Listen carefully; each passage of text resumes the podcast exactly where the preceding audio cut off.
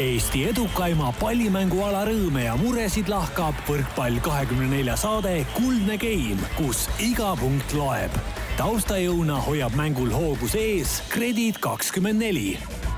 tere, head kuulajad, Kuldse Game'i töökas kollektiiv liigub vaikselt, aga kindlalt igaviku suunas. Ja täna jõuab saatesari pisikese juubeli saja kolmekümnenda osani. üheteistkümnendal veebruaril, mil me juubeliosa salvestame, on sünnipäev ka kahel Eesti võrkpalliringkondades palavalt armastatud inimesel, võrkpalliväljakul liberona tegutseval Silver Maaril ja spordiajakirjanduses sama mitmekülgse liberona tegutseval Tarmo Tiisleril Tartu stuudios, kus me seekordne saade eetrisse läheb, on lisaks Karin Aldole õnnesoovidega ühinemas ka meie oma Emajõe linna tipp ja täpp või Robbie ja Bobby, kuidas kellelegi, Alar Rikberg ja Mihkel Uiboleht, tere Tartu mehed! tere ja palju õnne sünnipäevalastele! palju õnne, lisaks on täna veel ühel Eesti edukamal äh, sportlasel äh, sünnipäev. ja kes on ka Tartuga seotud, kes on Tartus siis äh, pärit ja treeninud ja, ja kasvanud, ma ei tea, kas te oskate, see ei ole küll võrkpallur, aga kas te oskate arvata, kes see võiks olla? Jalgpallis meil väga edukaid sportlasi ei ole. see on väga edukas, mitmekordne maailmameister, mitmekordne Euroopa meister ähm,. mitmekordne. jaa mm., ma ei isegi oska neid tiitleid osas kokku lugeda, see on meeletu kogus. jää, jääpurjetamine. hakkab juba nagu äh, minema sinnapoole, et siin kui Emajõe peale nagu vaadata, et mis siin, mis siin Tartus eelisarendatavad ja populaarsed spordialad on, võib-olla Alar teab. no veemoto võiks üks variant olla. jaa, veemoto jah, Üllar Põvati üks edukamaid õpilasi, Rasmus Haugasmägi loomulikult, nii et äh, palju õnne ka talle minu jääpurjetamine oli küllaltki lähedal endalegi üllatuslikult, aga vaatan, olete kuidagi natuke sellised uimased veel. Mihkel, täna sa ka jõudsid, ütleme, stuudios täpselt viisteist minutit pärast seda, kui meil oli kokku lepitud. kas on ka põhjendusi öelda sedasi Akadeemiline, akadeemiline veerand, ma olen üliõpilane ikkagi, ma tean, et Aa. kui on pandud, et loeng algab see kell, siis on pluss viisteist, on normaalne. ja astud sisse sellise näoga, nagu kõik ongi õige ja ei no vaata, ma ei tea, sa ei ole ammu käinud ilmselt ülikoolis, kuigi sa mängid Tallinna, kuigi sa mängid Tallinna Ülikooli eest, et see pluss viisteist. ma ei mängi, ma, ma käin trennis Tallinna Ülikoolis. istud seal äh, kastis, aga ei, see on ikka, tead, ega ähm, jah, Tartu liiklus on nii äh, karm. Tartu liiklus, jah Need kaks autot, mis Tartu linna peal kokku on, need olid umbes, samal ajal sama valgusfooritaga. umbes nii, tead, loll on see, kes vabandust ei leia, et, et ma, ma ei proovi, proovin mitte loll olla. kuule, aga elu on ilus siin Tartus, kokkuvõttes. elu on tore tulla siia. ja kui ei taha hommikutes passida nende kahe auto taga, siis äh, võib kasutada kondimootorit nagu mina, auto on ilusasti maja taha pargitud, aga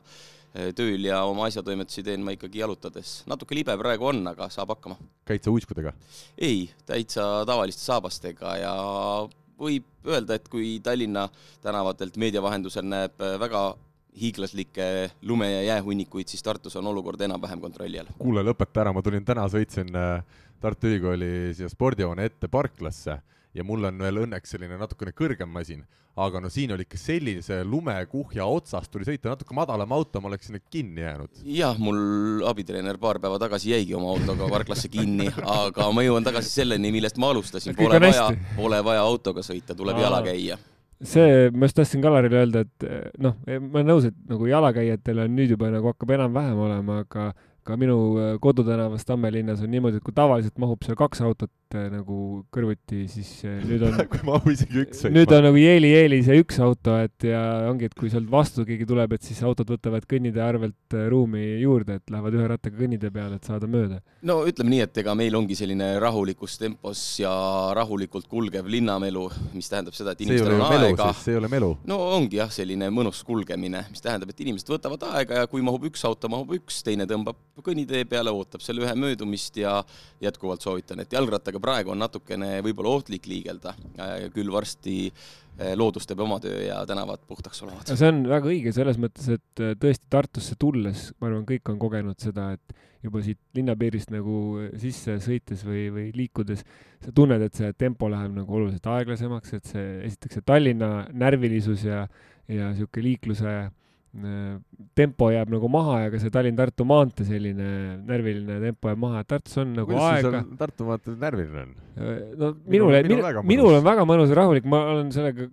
ka nõus, aga lihtsalt seal on nagu mingid mm, siuksed segavad faktorid mõnikord, mis segavad seda, seda ilusat sulnist Aha. autosõitu, aga, aga Tartus ikkagi see tempo on hoopis teine, seda enam ma imestan, et see tempo siis Tartu võrkpalliklubis on, on nagu oluliselt kõrgem kui siin tallinlastel, et, et arvestades seda üldist linna niisugust voolavust ja niisugust rahulikkust. Kuulge, aga me räägime siin Tartus on ilus kõik ja no tõesti jääb selline mulje, ma arvan ka kuulajatele, kes võib-olla Tartus käivad harva ja, või isegi nendele, kes Tartus võib-olla elavad, jääb mulje, et kõik on hästi, aga võtsin täna hommikul lihtsalt sedasi profülaktika mõttes lahti Tartu Postimehe interneti veebilehe siis esi, esilehe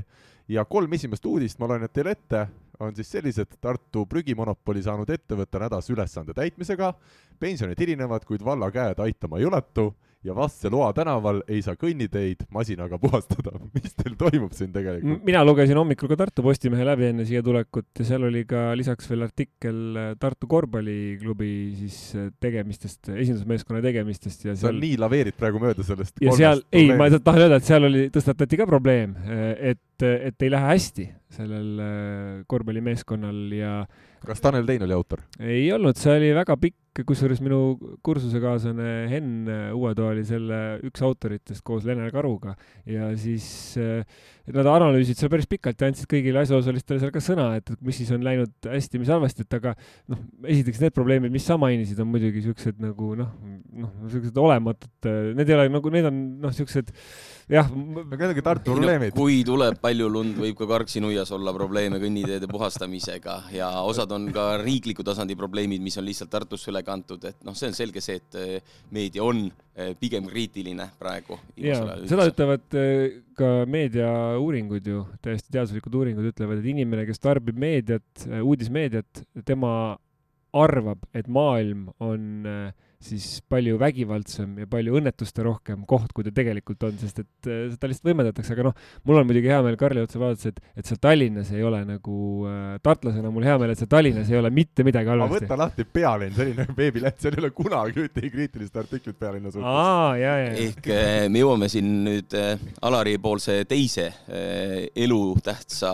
õpetuse juurde, kui esimene oli see, et autosõidu asemel kõndige jalaga, siis teine õpetus on see, et oma päeva ei ole vaja Äh, ajalehe lugemisega alustada ja ennast kohe äh, negatiivselt häälestada, vaid äh, rahulikult üles tõusta, natukene liigutada ja võib-olla päeva peal jupphaaval need uudised ära tarbida. ma hakkasin mõtlema, et kui te mainisite jah, et meedia on ju suht kriitiline või, või, või toob välja neid murekohti, et imelik oleks võib-olla, kui esilehel on uudis, et Ujula tänaval, Ujula tänaval täna kõik teed kenasti puhastatud, oleks esiuudis näiteks Tartu Postimehes. jaa, kuigi seal oli ka niisugust positiivsemat või ütleme sellist, ma ei tea, noh, neutraalsemat materjali täna, aga ei muidugi, eks, eks see on üks uudisväärtuslik, uudisväärtuse kriteerium, et see peab olema ka midagi sellist, mis on teistmoodi ja pakub midagi ja annab ka inimestele informatsiooni, nii et eks me püüame ka ilmselt tänases saates sellest lähtuda. aga meil on täna nii üles seatud saade, et äh, pärast seda sissejuhatuse lõppu äh, me teeme väikese pausi, siis läheb Alar, äh, juhatab treeningu sisse Äh, jõusaali treening on täna hommikul siis siin Tartu Ülikooli spordihoones mehi ees ootamas ja siis ta tuleb tagasi ja siis me saame kuulda emotsioone. vaatame, teeme sellise äh, ehtsa spordiajakirjaniku küsimuse, et äh, millise emotsiooniga lähed treeningule vastu ja siis, kui meil on see paus ära olnud ja me läheme saatega edasi, siis me saame kohe küsida, et kas see vastas nagu ootustele, see emotsioon, mis sa tegelikult sealt trenni algusest said? ma lähen tänasele jõusaali treeningule vastu väga rahuliku emotsiooniga, ehk neid emotsioone väga palju ei ole. ma eile õhtuse trenni põhjal eh, võin öelda, et eh, meil on päris hea seis. Eh, tegime korralikult tööd ja selle töö tulemusena treenerite brigaad otsustas trenni isegi planeeritust varem lõpetada. meil oli pikem kahetunnine trenn ja natuke varem mm, tõmbasime otsad kokku, sest asjad olid päris ilusasti kontrolli all ja ma ei usu, et nüüd üleöö midagi oleks muutunud, nii et see emotsioon on rahulik mis see, mis see jõusaali treeningu kava siis ette näeb niimoodi lühidalt kirjeldades täna? Äh, jõusaali treeningu kava valmistab ette Oliver Lüütsepp, kooskõlastab minuga teemad ja me oleme praegu sellises üsna äh, rahulikus faasis, et äh, kui mõelda ees ootava peale, siis sel nädalavahetusel viimane põhiturniiri mäng, järgmine nädalavahetus veerandfinaalid ja ülejärgmine nädal ootamas ees Final Four, ehk siis tegeleme rohkem sellise äh, taastava jõuga ja natukene otsime teravust, aga väga suuri raskusi me praegu kangi peale ei tõsta. mitu korda nädalas te selline jõusaali treeningu kasuks otsustate? Äh, mitte kasuks otsustame, vaid sisse planeerime ja sõltuvalt nädalast on meil läbi hooaja olnud kaks varianti, kas me teeme kaks või kolm korda nädalas jõusaali see on siis, samal päeval on ka õhtul pallitrenn veel otsa või Tä? täitsa sõltub, enamasti pallitrennid ikkagi vähe on neid õhtuid, kui me ei tee pallitrenne mm., mis tähendab seda, et ka täna õhtul on ootamas korralik kuuikutrenn mehi ees ja on kahe trennipäev, aga kas iga nädal või üle nädala satub ka sisse selline üks päev, kus on ainult jõusaalitrenn aga mina käin ka nädalas päris palju jõusaalis, kas puhtalt nagu jõusaali osaga liituda teie treeningutel äh, järgmine hooaeg, ülejärgmine hooaeg, selliseid mehi ei ole vaja? ma arvan, et Hendrik Rikand müüb sulle pileti ja see on, see pilet maksab mingi noh, palju me paneme hinnaks, mingi viis tuhat näiteks. mida sa küsid üldse äh,? ei, no aga ma vahendan, ma vahendan, ma võtan oma tasusid vahepealt. mille eest? idee, noh, idee on ju ka. idee oli minu oma. ei, et, et sa tahtsid, sul oli nagu soov, mina nüüd pakun Bigbankale selle idee välja, et. ei no loomulikult, et sa saaksid sellised professionaalsed kavad endale täitmiseks, mis on just võrkpalli spetsiifilised mm., siis äh, väikese tasu küll võiks, aga see võib olla ka kuidagi teistmoodi, et aitad klubi ühe või teise ülesande täitmisel ja ostad Tartu Ülikooli spordihoone jõusaali pileti ja pääsed sellega jõusaali ja miks mitte, et ruumi seal on jõusaal on meil mitmekorruseline ja päris mahukas, nii et äh, saadaks mind sinna neljandale korrusele jah, et kui ma sind pallisaali nii väga ei tahaks äh, asju segama, siis jõusaalis saad sa vaikselt oma nurgas toimetada, nii et palun väga. et aga jaa, siin hakkas juba kooruma, et Karl saab ju hakata, kuna ta enam ei ole selle kuulsusrikka võrkpalliportaali peatoimetaja, saab hakata pakkuma teile sellist teenust, et ta haldab teie sotsiaalmeediat ja teeb mängudele promo ja noh, ja selle taustal siis noh, sa lubad tal käia on ju nende kavade järgi seal jõusaali treeningus. tead, ma ei saa sotsiaalmeediat teha, sest äh, ma käisin tegemas ühte, ühte sisselugemist äh, legend-, kuidas tuleb Eestis kõige kuulsamad inimesed üldse Eestis. Täna on Valting ja Sevakin. Oh,. ja härra Valting, keda võrkpallisõbrad teavad, noh, Tartu meeskonna endine libero ikkagi, ta ütles ühe tütarlapse kohta seal mingi juhusliku jutuajamise käigus, mis selle videoga seotud oli, et aus tütarlaps on ma küsisin, et oh, et kust sa tead, et ta aus on, et kas ta ei valeta või? ta ütles, et ei, aus, noh, et nagu kena, ilus. et noh, minu juba see slängi arusaamine sellest tänapäeval, mida sõnad tähendavad, on nii kehv, et mind ei saa usaldada sellisele väga väärtuslikule ja olulisele no, mingi sellise partnertehingu te peate kokku leppima, et Naturas on see tasumine selge, aga Alaril on aeg minna jõusaali, nii et äh, teiega, head kuulajad, me saame kohe pärast seda väikest vahekülli teada siis, kuidas see treeningu algus söös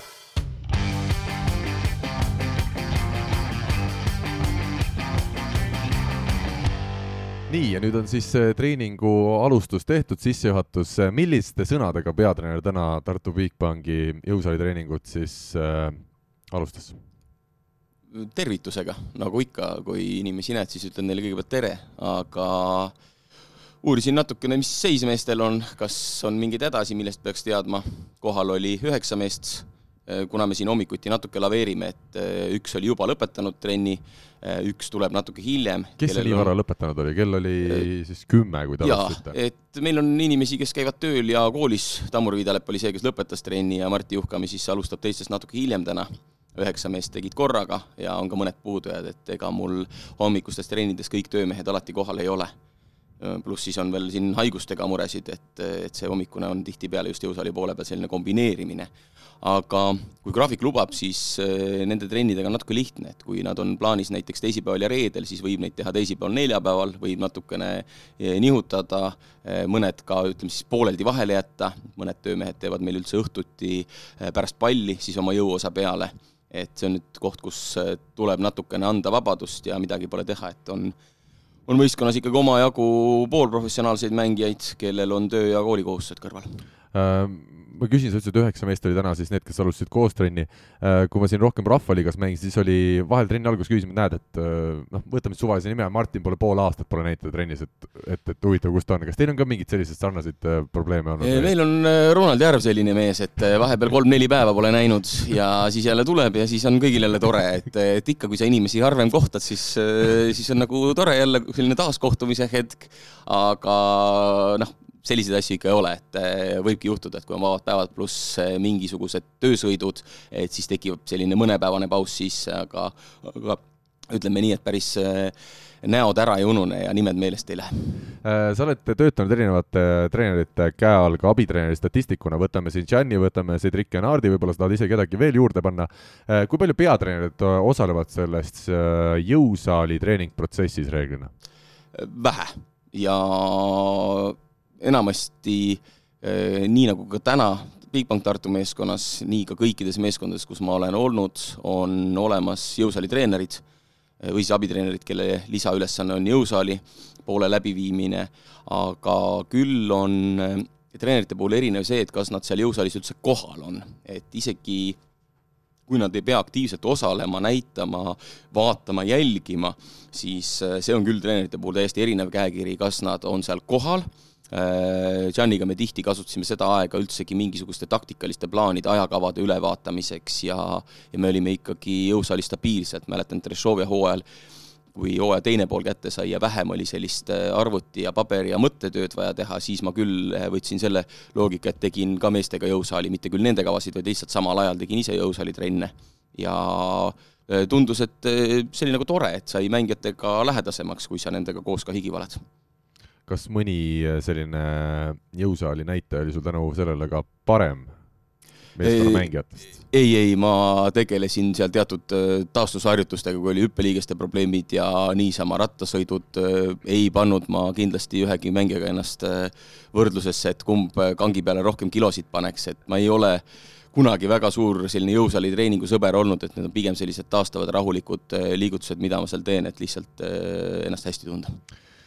selge, aga läheme nüüd siis äh, meie tänase ühe põhiteema juurde, Grade kakskümmend neli meistriliigas või Balti liigas on siis äh, kätte jõudnud põhiturniiri viimane nädal ja palju on veel mängus, aga alustame hoopis sellest, et äh, pärast meie eelmist saadet pidas TalTech oma teise eurosarja mängu siis Ankara meeskonnaga Türgist ja kaotas ka selle null kolm, aga seal oli ikkagi meil oluliselt rohkem ka geimi võidu šanssi kui avakohtumises. kuidas me selle teise mängu võiks veel kokku võtta, Alar, jälgisid seal toimunut? jah, esimest mängu vaatasin episoodiliselt, teist äh, kogumahus. kindlasti mäng muutus natuke teravamaks ja paremaks pärast sidemängija vahetust, kui Marti Keele asemel tuli Aleksander Eerma platsile. ja teine game oli ju vägagi tasavägine, seal oli see vaieldav kohtuniku otsus, noh, samas ma tahaks jõuda jälle selle äh, kiirelt ära klaarida selle kohtuniku teema, et Eestis on üldiselt hea tase Äh, on üksikud mängud, kus sa näed, et võib-olla kohtunikud, eriti piirikohtunikud, ei ole nagu nii sajaprotsendiliselt keskendunud. Aga sellesama mängu näiteks kohe, kui meil oli reis Taugapilsi, siis kui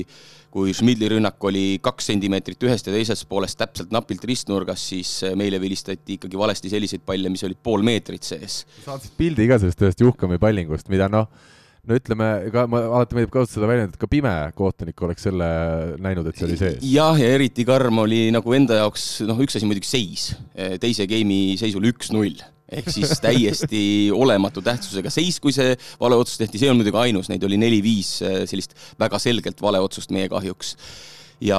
see reaktsioon kohtunike poolt, et piirikohtunik tõstis lipu ülesse, näitas out'i selle servi peale ja siis teine kohtunik, eh, Muigel Sui, vaatas tema poole ja noogutas eh, kiitvalt veel selle otsuse peale.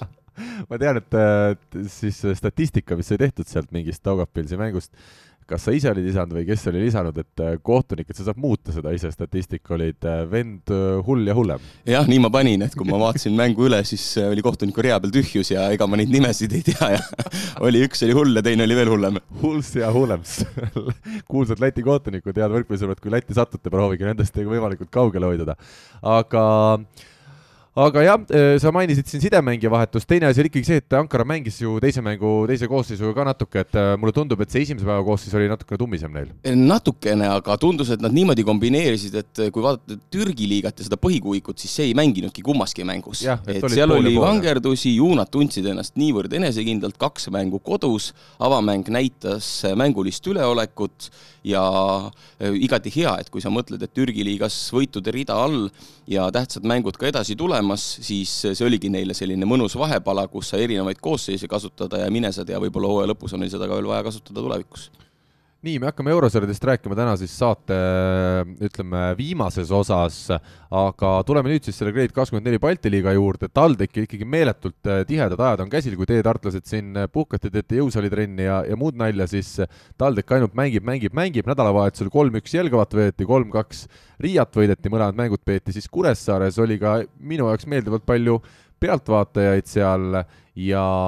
kolmapäeval siis TalTech lõpuks otsustas anda peatreener Janis Sirelpuuga eesotsas puhkust viiele põhimehele, Martti Keel, Kevin Saar, Rauno Tamme, Mihkel Tani ja Mattias Midel tulid seal jõusaalist otse ja isegi ei olnud mänguks üles antud ja nii siis TalTech kolmapäeval kaotas null kolm Pärnule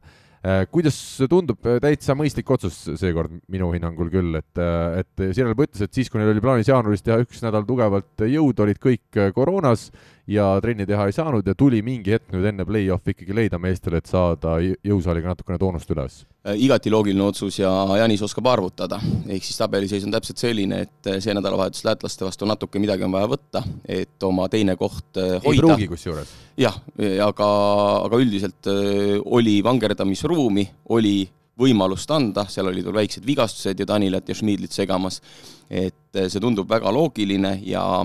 ja see on see eelis, kui sa mängid nii korraliku hooaja alguse kus nad järjest kõiki kolm-null võitsid, tekitasidki endale olukorra, kus on võimalik niimoodi laveerida. et tihedamas liigas äh, selliseid võimalusi ei ole ja sellepärast nad ongi põnevamad ja, ja mõeldes kas või äh, Kredit kakskümmend neli meistrite liiga eelmise hooaja peale, siis seal oli ikkagi punktide lugemine kuni lõpuni ju väga nugade peal ja mitte ainult üks või teine paar, vaid äh, kõik omavahel. ja siis ei olnud nii palju selliseid võimalusi et eh, sportlaste ja ka treeneri printsiibist on hea, kui on selline laveerimisvõimalus, kui on ka puhkenädalad vahel,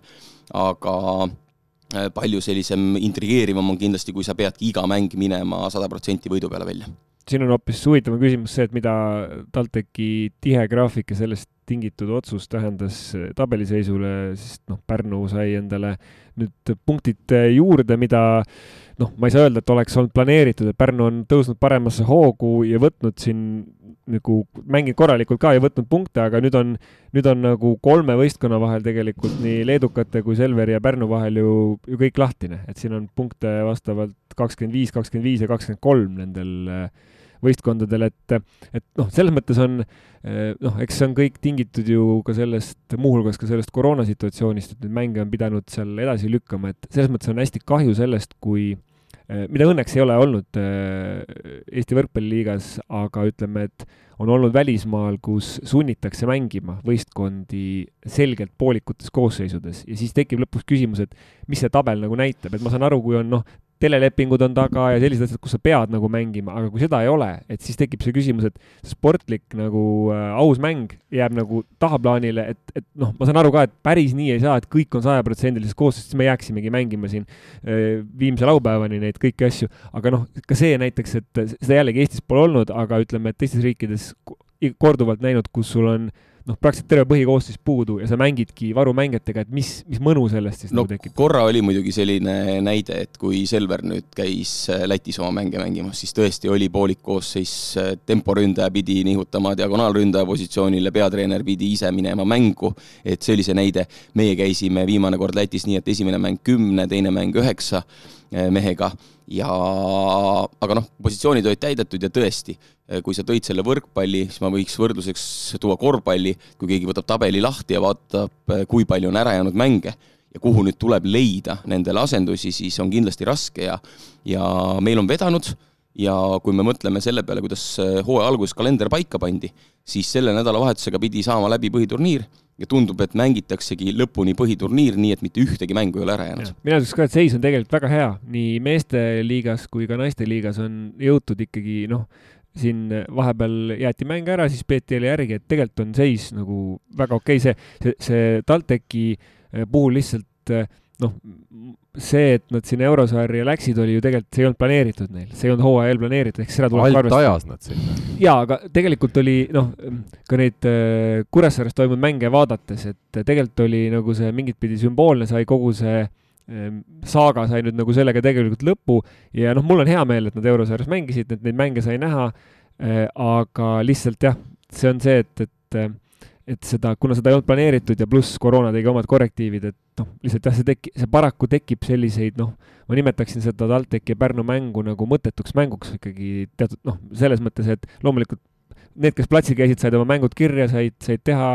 Pärnu pingutas, sai oma punktid kätte, aga nagu nii-öelda sportlikus mõttes on see, oli see mõttetu mäng. jah, seal juhtubki see, mis ma ütlesin, et kui on vahed selged äh, punktiseisu osas, siis teatud mänge sa lähed ära mängima et äh, tabelis oleks see mäng mängitud ja sa ei lähe võitlema. ja kui mõelda selle peale, mida Karl välja tõi, et tõesti eurosari polnud planeeritud, siis Billbank Tartu eurosarja mängud olid planeeritud ja hooaja alguses kalendrit tehes sättisime me nii, et kui oli näiteks üks või isegi vahepeal kaks eurosarja mängu, siis samale nädalavahetusele panime me kas ühe või kaks kodumängu, et ei tekiks väga hullu sõitmist, et ei tekiks liiga karmi äh, ajagraafikut, kuigi tõesti see oktoobri-novembri graafik oli ka meil päris hull. aga siis me saime nii palju ära mängitud, et nüüd on asi läinud rahulikumaks. eriti tuleb veel selle kalendri ja kogu selle meistrivõistluste kulgemise mõttes kiita või ütleme, rahul olla, siin ei olegi nagu otseselt kedagi kiita, aga rahul olla sellega, et see olukord äh, Läti-Eesti vahel nagu lahenes niimoodi, sest mingil hetkel ju Läti klubid ei saanud, tuletan meelde, ei saanud kodus mängida. Ja, ja see oli noh, tegelikult tekitas paraja nagu niisuguse kummalise olukorra ebavõrdsuse, et ka see kõik nagu lõpuks lahenes, et ei ole lihtne kahe riigi vahel seda, isegi kolme riigi vahel, kui leedukate võistkond juurde panna, seda, seda kõike hallata, sest noh, need koroonapiirangud on nii erinevad aga Viktoriini küsimus teile siin selle mõtte lõppu, miks on äh, Eesti korvpallis olnud oluliselt rohkem neid koroonapause kui Eesti võrkpallis sel hooajal? no üks asi on see, et äh, kuidas nad mingi hetk võtsid selle testimise praktika endale üldse Vale. kasutusse. nii, Mihkel, tahad parandada? ma ei, ma ei ole jälginud ausalt öeldes ei seda..., selle peagi jälgima, see on ju selge, korvpall, nagu korvpurid ise kogu aeg rõhutavad, on ju äh, kontaktmäng, aga võrkpalli ei ole hoiame üksteisest põhimõtteliselt kogu aeg ka väljakul kahe meetri kaugust. mina, mina tean, et uuest nädalast alates ei pea välistingimustes toimuvatel spordivõistlustel enam Covid passi küsima, mis tähendab. korvpallurid võiks minna välja mängima. mis tähendab, et äh, väli, noh, mis tähendab, et ka jalgpalli mõttes välitreeningud, väli, välimängud äh, ei kuulu enam Covid passi alla, et ähm, rannavõrkpalli samamoodi mitte, et, et see on nüüd huvitavad asjad, mina olen iseenesest selle poolt, et, et seda vahet nagu tehakse, et, et välitingimustes lubatakse olla, sest et et äh, mingil hetkel seda ei tehtud, siis öeldi, et nagu alad peavad olema võrdsed. aga minu arust see pandeemia on nii pikk olnud, et me peame kasutama kõiki võimalusi, et saada inimesi liikuma, sest muidu lihtsalt inimesed nagu, see aju plahvatab ühel hetkel või noh, see, sa ei, sa ei suuda seda nagu taluda, et sa pead kuskilt nagu maandama ennast ja liigutama ja kui vähegi need võimalused on, et, et ärme kunstlikult neid nagu piirame, sest noh, vabas õhus on hoopis teine teema kui saalis sees, aga see on muidugi hea mõte sul see kontaktsuse, kontaktsuse osas, et siis ma mõtlen, et mis alad siin võiks veel lubada, kus ja, seda kontakti üldse ei ole et.... aga ma mõtlen, male võib-olla, vaata males sa ka praegu ikkagi vastasega oled kuskil meetri kaugusel, aga äkki saaks laua teha veidi suuremaks ja mingi siukse pleksiklaasi sinna vahele äkki? jah ja kuidagi nii, et sa ju tõstad ka ainult oma malendit, noh, muidugi kui sa teise ära võtad, siis sa pead ka teise malendit puudutama. ei no selle jaoks äh, võtad kasutusele meetri pikkuse kaika, kus on jah. magnet otsas ja. ja magnetilised nupud ja siis äh, lükkad ka teise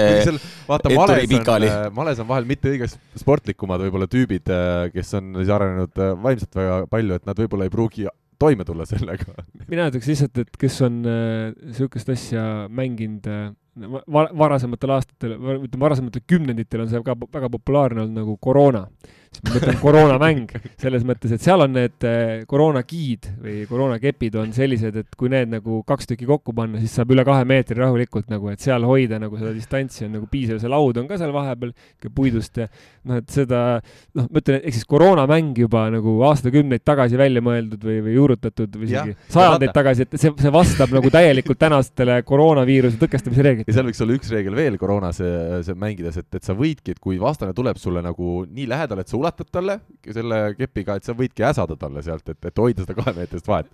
kui ma vahepeal lihtsalt huvi pärast võtsin lahti Vikipeedia, siis Vikipeedias on artikkel koroona sulgudes mäng ja esimene lause, ma loen selle ette.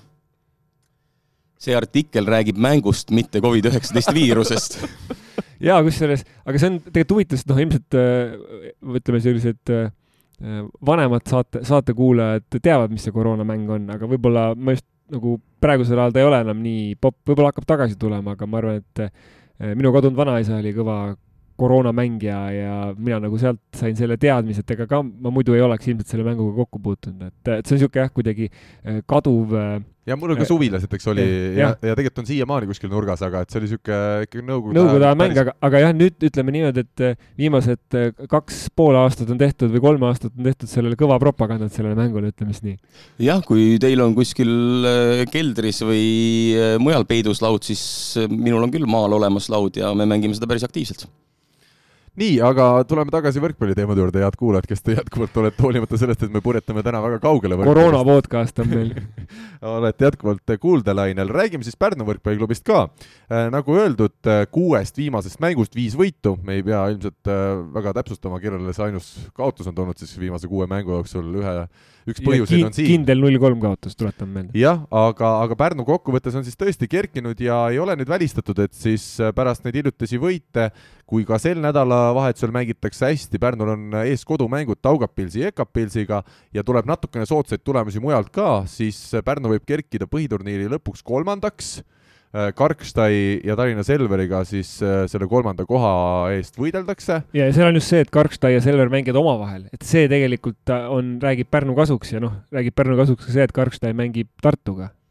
Ehk siis, ehk siis me vaatame Alari otsa, et ootame sealt nagu Eesti klubile tuge ühesõnaga, Karkstail hetkel kakskümmend viis punkti, neliteist mängu peetud, kaks veel ees, Selveril kakskümmend viis punkti, aga viisteist mängu peetud ehk ainult üks mäng, seesama Karkstaiga, laupäevane väga oluline kohtumine ees ootamas ja Pärnul siis kakskümmend kolm punkti, aga kaks mängu ees, nii et kui me eeldame, et Karkstai juba Tartule kaotab, siis see tähendaks puhtalt seda, et Pärnul on kõik endi kätes, kaks võitu Läti klubid üle, mis ei tohiks tänases seisus Pärnu võistkonda vaadates enam mingi ime olla ja oleks ta tabelis siis kolmandad, mis tähendaks neile seda, et ikkagi Tartut suudetaks äh, poolfinaalis vältida nii äh, Balti liigas kui ka lõpuks siis Eesti meistrivõistlustel, mille ju play-off äh, nii-öelda paarid pannakse ka põhiturniiri alusel siin paika? jah, äh, ühelt poolt ma ei tahaks nii kindlalt veel asju paika panna, et me poolfinaalide peale mõtlema. ehk siis kaheksa parimat meeskonda on Kredit kakskümmend neli meistrite liigas selged ja osad veerandfinaalidki kas selged või juba peaaegu selged, et seal on kõigepealt ikkagi vaja veerandfinaalid võita ja siis hakkavad joonistuma paarid alles välja, kes Final Fouris kellega mängib. aga mõttekäik oli õige, Pärnul on äh, kõik endi kätes ja täiesti reaalne võimalus lõpetada põhiturniir kolmanda kohaga ja kui ma rääkisin seda, et TalTech oma teise koha põhja ladus äh, väga hea esimese ringiga kus äh, mängiti ja võideti palju, siis Pärnu on teinud korraliku tõusu just äh, põhiturniiri teises ringis ja kui seda võitude jada suudetakse jätkata, siis igati teenitult kõrge koht Aavo Keel kindlasti kuulab meid äh, ja tegelikult ma siia vahekommentaarina ütlen, et kui ma enne Pärnu ja TalTechi mängu Aavoga rääkisin, siis tema vaatas teisele poole võrku, ütles, et ta ikkagi oleks lootnud, et oleks täiskoosseisus TalTech talle vastu tulnud, et selles suhtes igati äge, ma usun, et Aavo ka nii mõtles, nagu ta ütles. aga kas sa täna Aavole julged anda siis lubaduse, et pühapäeval lähed ikkagi põhimeestega vastu Karkstaile? No mitte Aavole, võib-olla on seda lubadust vaja ka Andres Toobalile, sest Selveri tabeliseis samamoodi ja viimane kord, kui me Andresega siin maailma asju arutasime, siis äh, sai äh, sel mängul ka põgusalt peatutud ja ütleme nii, et ei ole teema ainult äh, võimalik Eesti klubide abistamine, vaid meil on päris pikk mängupaus need ei ole enamasti liiga hästi mõjunud, mis tähendab seda, et ma lähen äh, Äh, küll selle mõttega, et äh, täiega äh, kõige paremat mängu parimas rivistuses, võib-olla mõnele mehele lisaks on vaja mänguaega, et tekiks lihtsalt see olukord, et on, on enne play-off mänge kõigil ka mängupraktika all aga me ei lähe seda mängu ära mängima, nagu ma mainisin, et mõningate mängude puhul teatud võistkondadel siin on olnud selline olukord, vaid me läheme ikkagi Karlstai vastu kindlasti seda mängu võitma nii, aga Pärnu kohta nüüd, Gabriel Cavalcanchis, nii nagu hääldama peab, see uus mees, kes jaanuari kahekümne viiendal päeval Pärnu võistkonda saabus, on teinud nüüd Pärnu ridades kolm mängu. esimene mäng Riia vastu kolm punkti, efektiivsusnäitaja miinus viis. Jelgava vastu kaheksa punkti, efektiivsusnäitaja pluss kaheksa, aga noh, see oli ka kõige nõrgem vastane, kes üldse olla sai ja kolmas mäng nüüd TalTechi vastu, hoolimata sellest, et TalTechil viis põhimeest puudu, temalt seitse punkti, efektiivsusnäitaja nullis kui Aavo Keel äh, esimeselt, esimeses trennis nägi Kavalkanši, siis ta ütles, et noh, et siit ikkagi ta väga usub ja loodab, et peaks olema Boriss Žukovist parema nurgamehega tegu, siis, siis vähemalt esimesed kolm mängu veel seda näidanud ei ole, et küll nagu liigutused on olemas, aga midagi jääb puudu, kas see teravus või mis see puudu on? no ma arvan, et äh, sellel mehel on vaja veidi aega meeskonda sisse elada, veidi aega, et tunnetada sidemängijaid, kui me räägime tema rünnakust serviga on nii ja naa, vahepeal tundub, et tal on see osavus ja ka võim olemas, vahepeal tundub, et tundub see serv on pehme, et see on nagu nii ja naa, et ta võib vabalt olla selline mees, kes lihtsalt osavuse pealt otsibki tsoone, konflikte ja leiab õiged mehed või õiged kohad, kuhu see pall paigutada. aga kõik need kolm viimast mängu ei anna eh, head pilti, sest eh, nagu öeldud, Jelgava selgelt kõige nõrgem võistkond tänavu liigas TalTech väga-väga poolik põhimõtteliselt teise koosseisuga nende vastu mängi, mängides, et aeg näitab, kui hea mäng, mehega tegemist on, aga üks asi, mis on täiesti selge, on see, et stabiilsemaks, kindlamaks on läinud Pärnu vastuvõtuosakond ja teine asi, selle mehe üldmäng mis ikkagi noore õuekallasega võrreldes on äh, kõrgemal tasemel ja see annab kindlust nagu kogu mängu pidamiseks, ülesehitamiseks ja ja noh, ei saa ka vähetähtsustada teise brasiillase panust, et äh, Jean Mauricio ikkagi äh, võrreldes hooaja algusega on oma kvaliteeti märgatavalt tõstnud, mis on ka loomulik, ei tea ju, mis konditsioonist, milliste treeningute pealt ta Pärnusse saabus, nüüd on ta pikalt meeskonnaga koos saanud olla, treenida ja tema tase on läinud selgelt üles ja noh, see avaldub ka selles, kuidas siis ründemängijad tegutsevad. ja pluss siis tuleb ikkagi mainida, ma olen selles suhtes täitsa nõus, et, et mul küll see Cavalcanti ei ole väga head muljet siiani jätnud, aga võrreldes Õue Kallasega on tulnud ikkagi selge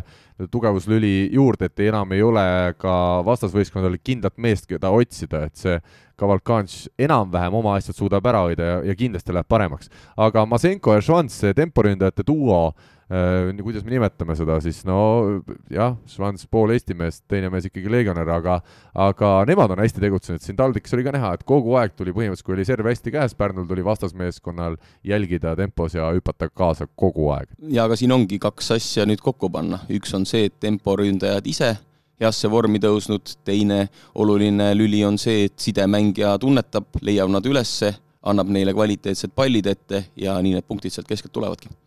Sa mainisid äh, seda, et Schwanz on niisugune peaaegu Eesti mees, aga lihtsalt nagu huvitav, ütleme märkamatult on toimunud see, et Pärnu võistkonnas äh, on äh, ütleme koos liberooga seitsmest äh, põhikoosseisu mängijast viis on välismaalased, et see on toimunud te tegelikult täiesti märkamatult, et ei ole nagu seda eraldi teemaks kuskil olnud, aga see on päris huvitav, et ma ei, ma ei mäleta, millal, noh, Saaremaa ilmselt oli sarnases seisus mingi, kuigi tegelikult seal oli eestlasi ilmselt Pärnu ise oli ka mullu suhteliselt ja ka äh, veel hooaeg varem suhteliselt sarnases seisus, kus üks hooaeg ma lugesin, et äh, küll mitte kogu aeg, aga läbi käis kas seitse või kaheksa erinevat mm. legionäri, et sellest on räägitud, et Pärnu jäi komplekteerimisega hiljaks, pluss siis veel Eesti mängijate vigastused sinna otsa ja sunnitud käigud lihtsalt välismaalt äh, uusi mängijaid otsida ja juurde tuua. ja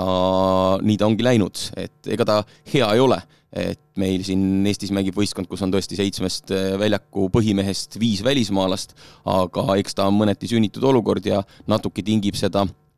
ka see fakt, et lihtsalt nii palju eestlasi on mängimas välismaal. ma just mõtlen selle peale, et äh, ega neile välismängijatele peab ju kindlasti midagi maksma, nad ei ole siin äh, harrastajatena, amatööridena ja selles mõttes mul tekib alati äh, niisugune kahjutunne, et kui see välismaalane ei ole selgelt nagu ei lisa seda kvaliteeti, nagu siin mõned välismaalased on tulnud, kes on tõesti selgelt, ütleme, võistkonda toodudki täiendama, aga noh, siin ju ka mainitutest päris mitu meest on, on sellised, kes noh, on normaalsel Eesti liiga keskmisel tasemel, et minu küsimus on see, et kas meil ei ole tõesti ühtegi Eesti mängijat, kellega paar aastat tööd teha, kellele maksta seda töötasu, me räägime, et meil on tegelikult vähe proffe, et me ei saa teha trenni, et lihtsalt, et et äh, nagu sa, Alar, ka ütlesid, et see on niisugune nagu jäi hilja peale komplekteerimisega ja nii edasi, aga noh, minu meelest ongi seda, mida hi-, mida äh, hiljem sa komplekteerid, seda kallimaks see sulle tegelikult läheb, et kui sa suudad oma võistkonda kaks-kolm aastat ette äh, visioneerida, komplekteerida, siis sa tegelikult äh, peaksid ka rahaliselt võitma. jah, sa, Mihkel, tõidki välja selle ideaalversiooni, kuidas ta võiks olla, aga kui tegeled tulekahjude kustutamisega, siis äh, selge on see, et ega Pärnu välismaalastest mitte ükski ei ole kõrgepalgaline välismaalane. Nad saavad et... raha sama palju või vähem kui Eesti mängijad. ma arvan, et isegi kui me räägime Uuskarist ja Maarist, äh, ma olen üsna veendunud, et näiteks Joe Mauricio, kellel ei olnud ju mingit suurt tausta võrkpallurina, et ta saab ikkagi ka vähem palka. ongi vähem, aga klubijuhid kindlasti peavad arvutama kogukulud kokku. välismängijaga eh, tulevad täiendavad, kas siis oma mängijal on või ei ole korter, eh, lisaks rahvusvahelised transferid, kui me räägime sellest, et mängija on vaja lennutada kohale Brasiiliast, siis ka reisikulud, ehk eh, kindlasti on mõistlik mängija palkamisel arvestada mitte tema palganumbrit, vaid kogu kulu, mis tema peale läheb. mina ütleks, et ka perspektiiv, sest et äh, midagi teha ei ole, sa ei tee ju, nende, nende mängijatega kindlasti pole tehtud ju mingeid pikaaegseid lepinguid äh, ja nagu ma siin äh, ühes saates me rääkisime Nõmmistuga ju ka seda, et, et tehaksegi lühikesed lepingud, kaheksakuulised ja veel mõni, mõnel puhul veel lühemadki, ehk siis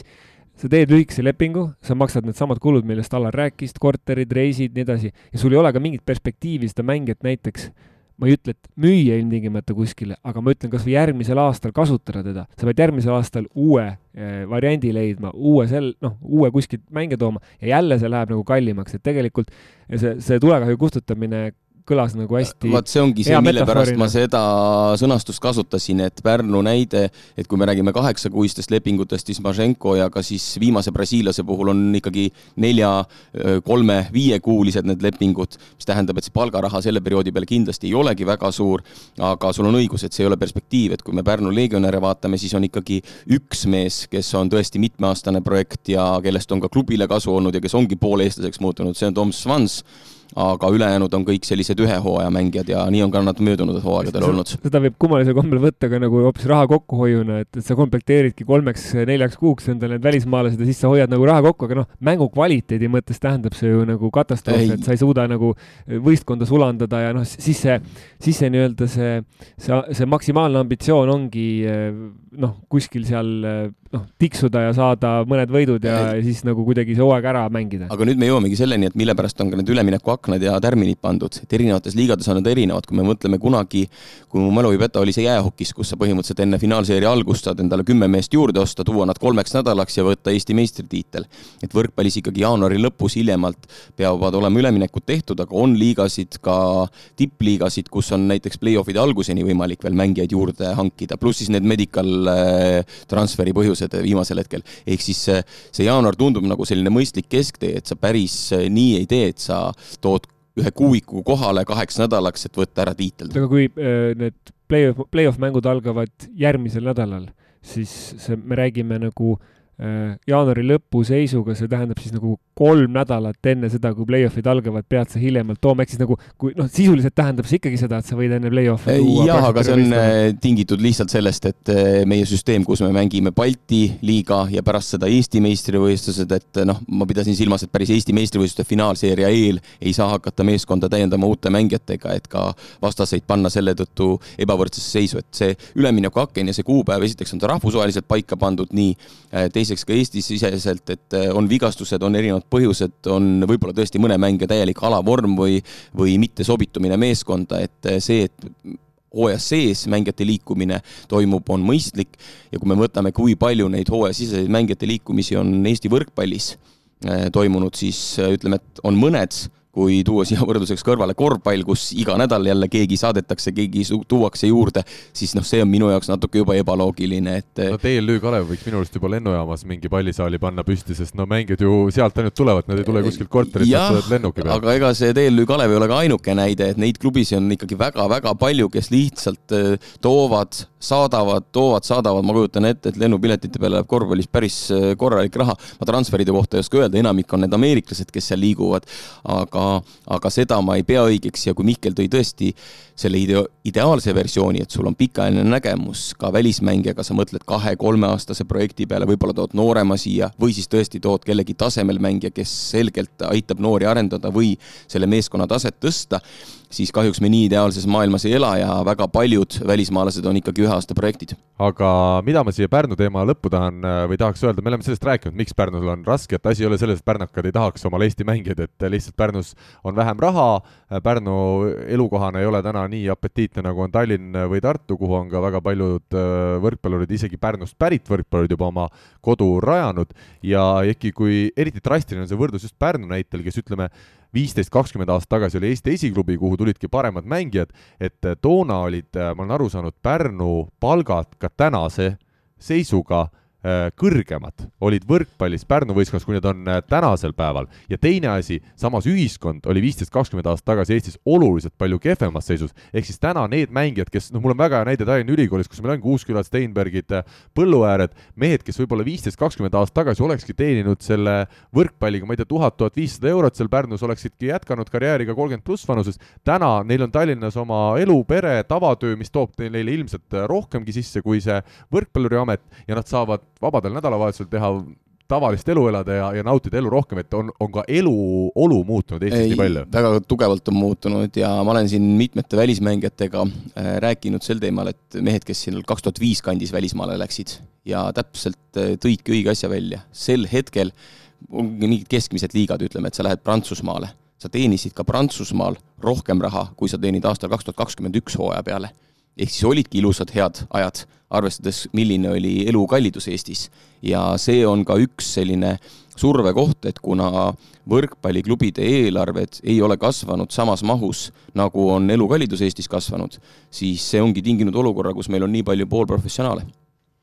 aga läheme edasi sel nädalavahetusel, nagu öeldud, siis otsustavad mängud põhiturniiril on ees ootamas ja nagu öeldud veel kord, siis hästi oluline on lõpetada nii Balti liiga arvestuses see põhiturniir kolmandana, kui siis kui nüüd Karksta ei peaks mingil moel ikkagi saama põhiturniiril kolmanda koha Balti liigas, siis väga oluline on Selveri ja Pärnu jaoks nüüd see, kes siis oleks nendest eh, parem, ehk siis suudaks Eesti meistrivõistluste poolfinaalis Tartut vältida, tundub küll, et eh, täna, täna kõik klubid üritavad Tartust kuidagi eemale saada, võimalikult hilja teiega mängida. aga kuidas on, ma räägin ka siin võrkpallisõppedega, ikka kõik ütlevad, noh, et praegu enam ei ole küll küsimust, et Tartu võtab kaks karikat ära kevadel ja ja asi on lihtne. kas sellist survet sa tunned ise ka kuskilt kõrvalt äh,, klubi juhtidelt äh,, üldsuselt? ikka on surve olemas ja surve on päris suur ja meeskond on meil selline, mis on tehtud tiitlite võitmiseks ja mida on treenitud, keda on treenitud tiitlite võitmiseks.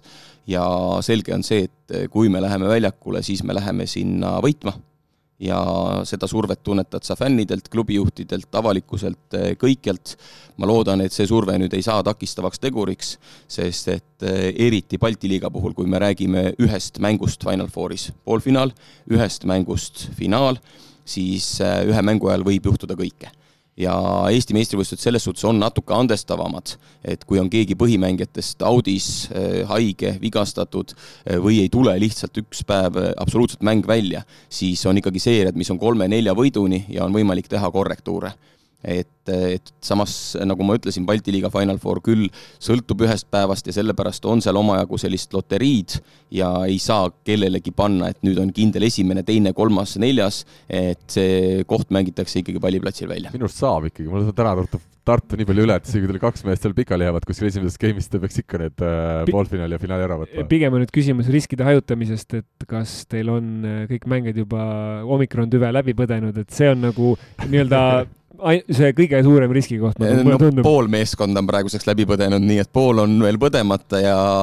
halb treenerina on see, et on positsioone, kus äh, ei ole mitte keegi veel põdenud, ehk siis ühest positsioonist võib kogu äh, meeskond välja kukkuda. aga võib, noh, loodame, et siis nendel on see Nemad, nemad on sellise geneetilise ülesehitusega, et nad võib-olla, neil ei hakkagi see viirus külge, et. jah, ega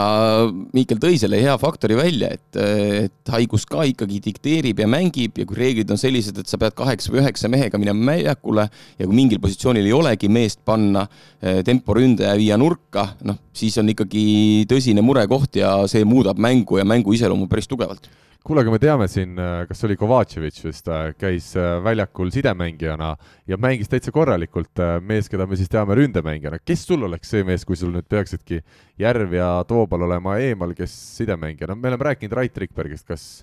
tema olekski siis see side, sidele no,? see on üks variant, natukene peaks siis mängu ülesehitust selgelt muutma nii vastuvõtu kui plokitaktika seisukohalt. teine võimalus oleks panna sidemängijaks üks nurgaründajatest ja kui ma nüüd kiirelt mõtlen, siis äh, pigem kuna tahaks äh, Alberti ja, ja Marti ehk siis äh, Juhkami hurt nurka jätta, siis kas Taavet Lepik või Tamur Liida, Viidalep nähtavasti sideks läheks. ja Taavetit võib-olla hoiaks ka natuke vigastusest eemal, see sidemängija roll ei pea hüppama nii palju. sidemängija hüppab mängu jooksul kõige rohkem kordi. no aga ei pea nii kõrgele hüppama vähemalt, jalad maast saab ka tõsta. jah, seda küll, et, et see hüppe kõrgus ei ole nii suur, aga jah, see on mõõdetud meil iga trenni ja mängu põhjal, ehk siis sidemängijate hüppekoormus on kõige suurem, järgneb temporündaja ja siis teised positsioonid. ja näha oli, et Aar tõesti põhjalikult mõtles selle üle siin, et kompuuter Maier ragistas siin. no ta see... ütles ju ka, et Ronald, et ta näeb kord poole aasta jooksul trennis, et teda niikuinii ei pruugi olla. siin ruumis ei tunda, aga koosseisu koha pealt veel, et kas, kui Pärnust äh, me rääkisime Tartust, et kas Selveri koosseis on nüüd selline, et neil on Karlstaja vastu otsustavaks mängus kõik mehed rivis ja, ja on neil natuke tumisem see koosseis, et Andres Toobali ähm, siis, äh, Andres Toobalit väljakul nägemise ohtu enam ei ole jah, ta peaks olema enam-vähem sellepärast, et siin osad vigastusest välja tulnud mehed suutsid koroonaga nakatuda, olid ka sellepärast eemal. pluss siis Selveril on ka vaktsineerimata mehi, kes lihtsalt selle, seetõttu Lätis ei saanud kaasa teha ja kodumänguks peaks kõik mehed rivis olema. ma ei tea, milline on nüüd välismängija ehk siis Johnsoni saatus, et, et teda on hoitud eemal ja ja kas temaga saab arvestada, et see on see üks lahtine koht. jaa, ma ütlen ausalt, mul ka see viimane info puudub, aga, aga tundub, et seisud on vähemalt paremad kui siin nädal-poolteist tagasi, mil tõesti ka trenni teha ei saanud, kuna paljud mehed olid siis isolatsioonis. Mis on siis teada kindlalt täna, on see, et Tartu mängib veerandfinaalis järgmisel nädalal Taugapilsiga, TalTech ülisuure tõenäosusega mängib siis, juhul kui TalTech teisena põhiturniiri lõpetab, nagu tundub, et läheb, mängib veerandfinaalis Riia, kes on kindlalt juba seitsmenda koha kindlustanud ja ülejäänud paarid on siis lahtised, Karkstai, Selver, Pärnu, Jekapils, kes seal kellega mängib veerandfinaalis, nagu öeldud, veerandfinaalid juba järgmisel nädalal siis neljapäeval esimene mäng ja laupäeval teine mäng ja vaheldusel siis kolmas mäng pühapäeval. äh, ning finaalturniiril täna, kui me saadet lindistame reedel, täpselt kahe nädala pärast juba siinsamas Tartus on finaalturniir, poolfinaalid äh, mõlemad teles äh, ja laupäevane finaal ka teles, nii et selline suur nädalavahetus Eesti võrkpallis on ees ootamas. aga mitte siis siinsamas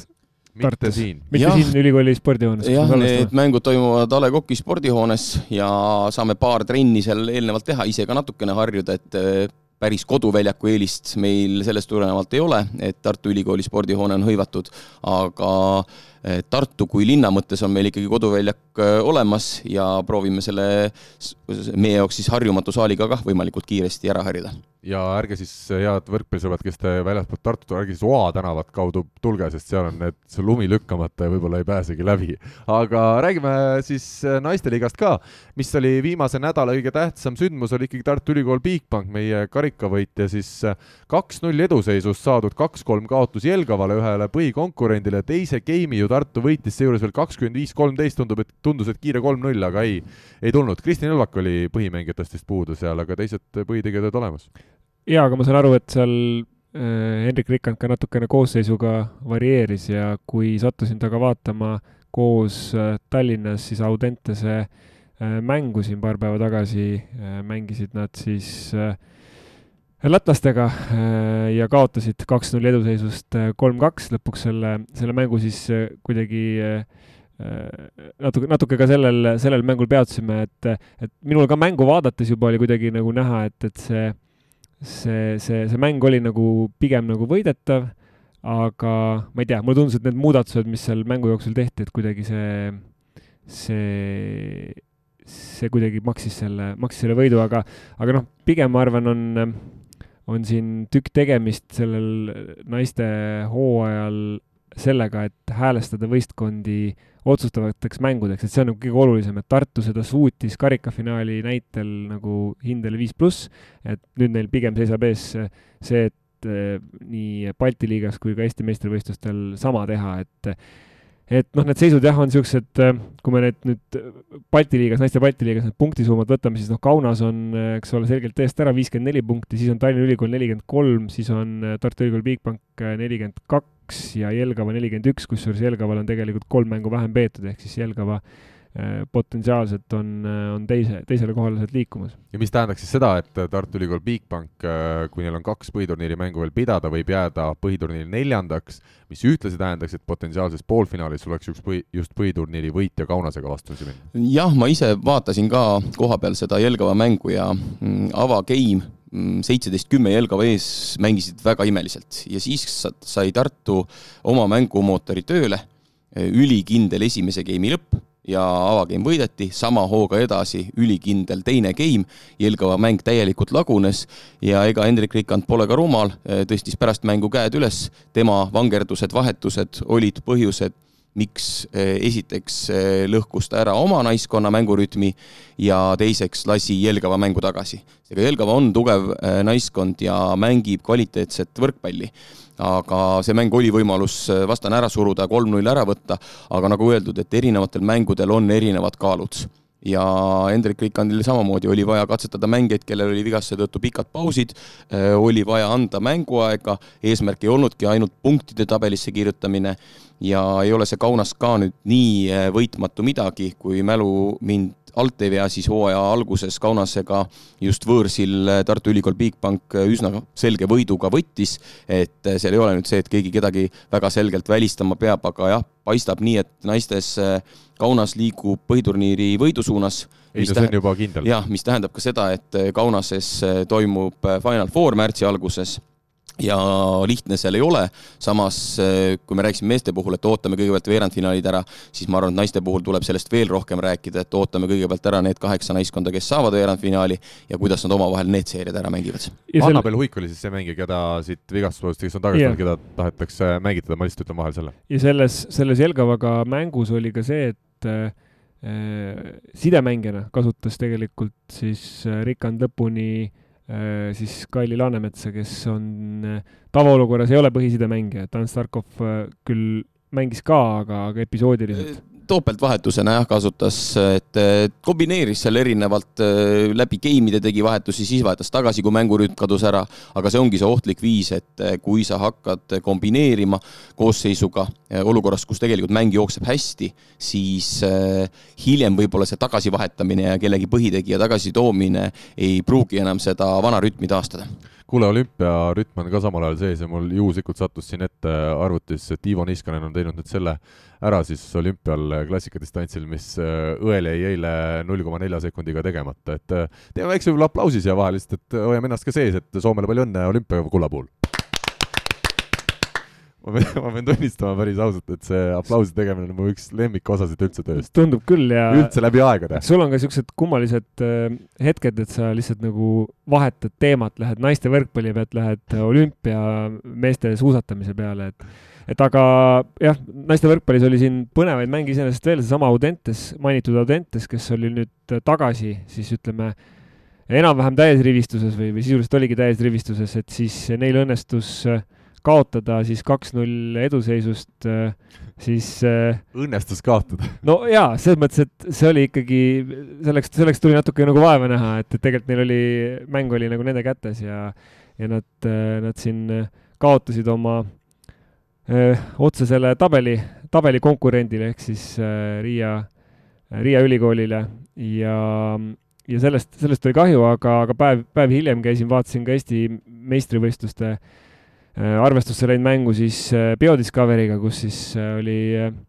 oli, oli selles mõttes päris huvitav mäng, et Audentes mängis jällegi enam-vähem täies koosseisus ja esimeses skeemis võideti kakskümmend viis, kakskümmend üks, teises kakskümmend viis, üheksa ja kolmandas oli BioDiscovery oli ees kakskümmend neli, kakskümmend, siis Audentes läks ette omakorda kakskümmend viis, kakskümmend neli Äh, ja siis omakorda BioDiscovery läks ette kakskümmend kuus, kakskümmend viis ja siis seal edasi-tagasi nad nagu kõigutasid, kui lõpuks siis kolmkümmend, kakskümmend kaheksa Audentes võttis selle ära, et selles mõttes oli nagu üllatavalt põnevaks läks ja see näitabki jälle seda äh, nagu naiste võrkpalli ja eriti praegu Eesti naiste liiga nagu noorust, et seal noh, kakskümmend viis ja üheksa võidetud game'i järel sa sisuliselt eh, noh, lased veel, eh, lased veel seal nagu huvitavaks, noh, pealtvaatajana mul oli väga huvitav, aga ma kujutan ette, et Andrei Ojametsal ei olnud seal, et need kaks päeva lihtsalt järjest, et see nagu, see on teatud muster, on ju, et kui sa eelmine päev lähed kaks-null ette, sa kaotad kaks-kolm eh, ja see on nagu selgelt, noh, mäng on nagu pigem, pigem sinu kätes. Ja, ja teine päev, noh, ma ei ütle, et juhtub sama, aga selles mõttes arvestades kaalukategooriate vahet, et siis peaaegu, et juhtub sama, et, et sa kahe nagu võidetud game'i järel ja sa oled sisuliselt nagu mängu kindlustama, et eks see pigem on nagu noorte mängijate ka psühholoogiline küsimus. minu jaoks nüüd huvitav, milline saab olema TalTech Tradehouse ja Viljandi Metalli siin äh, veebruarikuu minu teada neil peaks olema siis täpselt kaks ja pool nädalat aega ehk veebruari lõpuni aega, et mängida põhiturniiri mängud ära. Neil on mõlemal kuus mängu veel mängida ja jätkuvalt mina olen selle teooria jälgija, et kas Viljandi Metall hetkel siis Eesti liiga kaheksandalt kohalt oma nelja punktiga kerkib põhiturniiri lõpuks kolmandale kohale, Võrut jätkuvalt on võimalik veel lüüa, sest neil on mängus siis neil on mängida kuus mängu, ehk siis kaheksateist punkti on mängus, neil on hetkel neli punkti ja nad võivad kerkida siis kahekümne kahe peale. Võrul on kaks mängu alles, üks neist peaks olema just Viljandi endaga ja kui nüüd Viljandil ikkagi kõik paremad mängijad on tagasi ja ma tean, et peaksid olema Julia Mõnnakmäe ja Kertu Laak ka teisipäeval siis Tartu BioDiscovery'ga on nendel järgmine mäng. Ehm, et, et siis äh, Viljandi, kas see suur tõus nüüd algab või mitte? siin on, ma vaatan vähemalt äh, siin Volli äh, kodulehel kalendris kolmel mängul veel ei ole ka aega, et siin äh. Tallinna Ülikool Kikase, Audentese ja kaks mängu Audentesega, siis pole, pole aega, noh, ajad on kirjas siis, eks ole, Biodiscoveriga, nagu sa mainisid, viieteistkümnes veebruar, siis on neil Tartu Ülikool Bigbankiga kahekümne kaheksandal veebruaril Tartus mäng ja, ja kas üks mäng on, sa ütlesid, kuus mängu on, et üks mäng on siit äkki veel, veel, veel, veel puudu, aga jah, et tegelikult nagu see ootus on, et üks mäng oli Raega mille nad siis kaotasid kaks-kolm, aga seal ei olnud äh, Kertut ja Juliat. ja noh, nüüd ongi see ootus on päris pikale veninud ja see, see noh, see natuke meenutab seda, mis me enne rääkisime siin äh, Pärnu võrkpalliklubi äh, puhul, et kas tuua enne otsustavaid, otsustavat nagu lõpusirget endale kõvad täiendused ja siis proovida sealt nagu edasi minna, et, et huvitav on näha just, et kuidas see kõik nagu tööle hakkab ja teisipäeval Viljandis kindlasti saab olema põnev, et ma plaanin vaatama minna küll. mis te arvate, palju meil oli viimase, viimase kuu jooksul Viljandist kuulajaid saatel?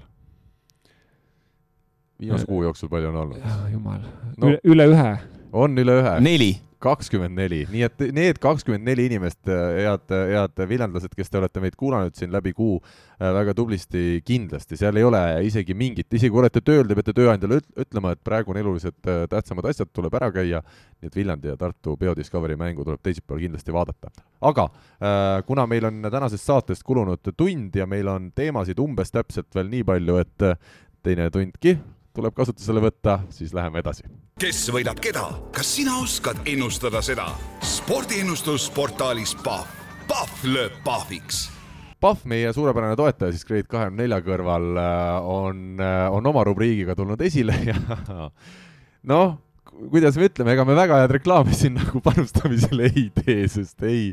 küll me vahel midagi pihta saame, aga kokkuvõttes oleme, mida me oleme täna enne saadet rääkisime siin omavahel ka, et, et mida vähem sa ennustad, seda kasulikum on. Ivo Vesik, millal ta viimati saates käis, ei mäleta, on liider kahesaja neljakümne nelja euroga. Rene Tepp on üldse ükskord ainult on meil saates olnud sel hooajal ja ta on teisel kohal kahesaja seitsmeteist euroga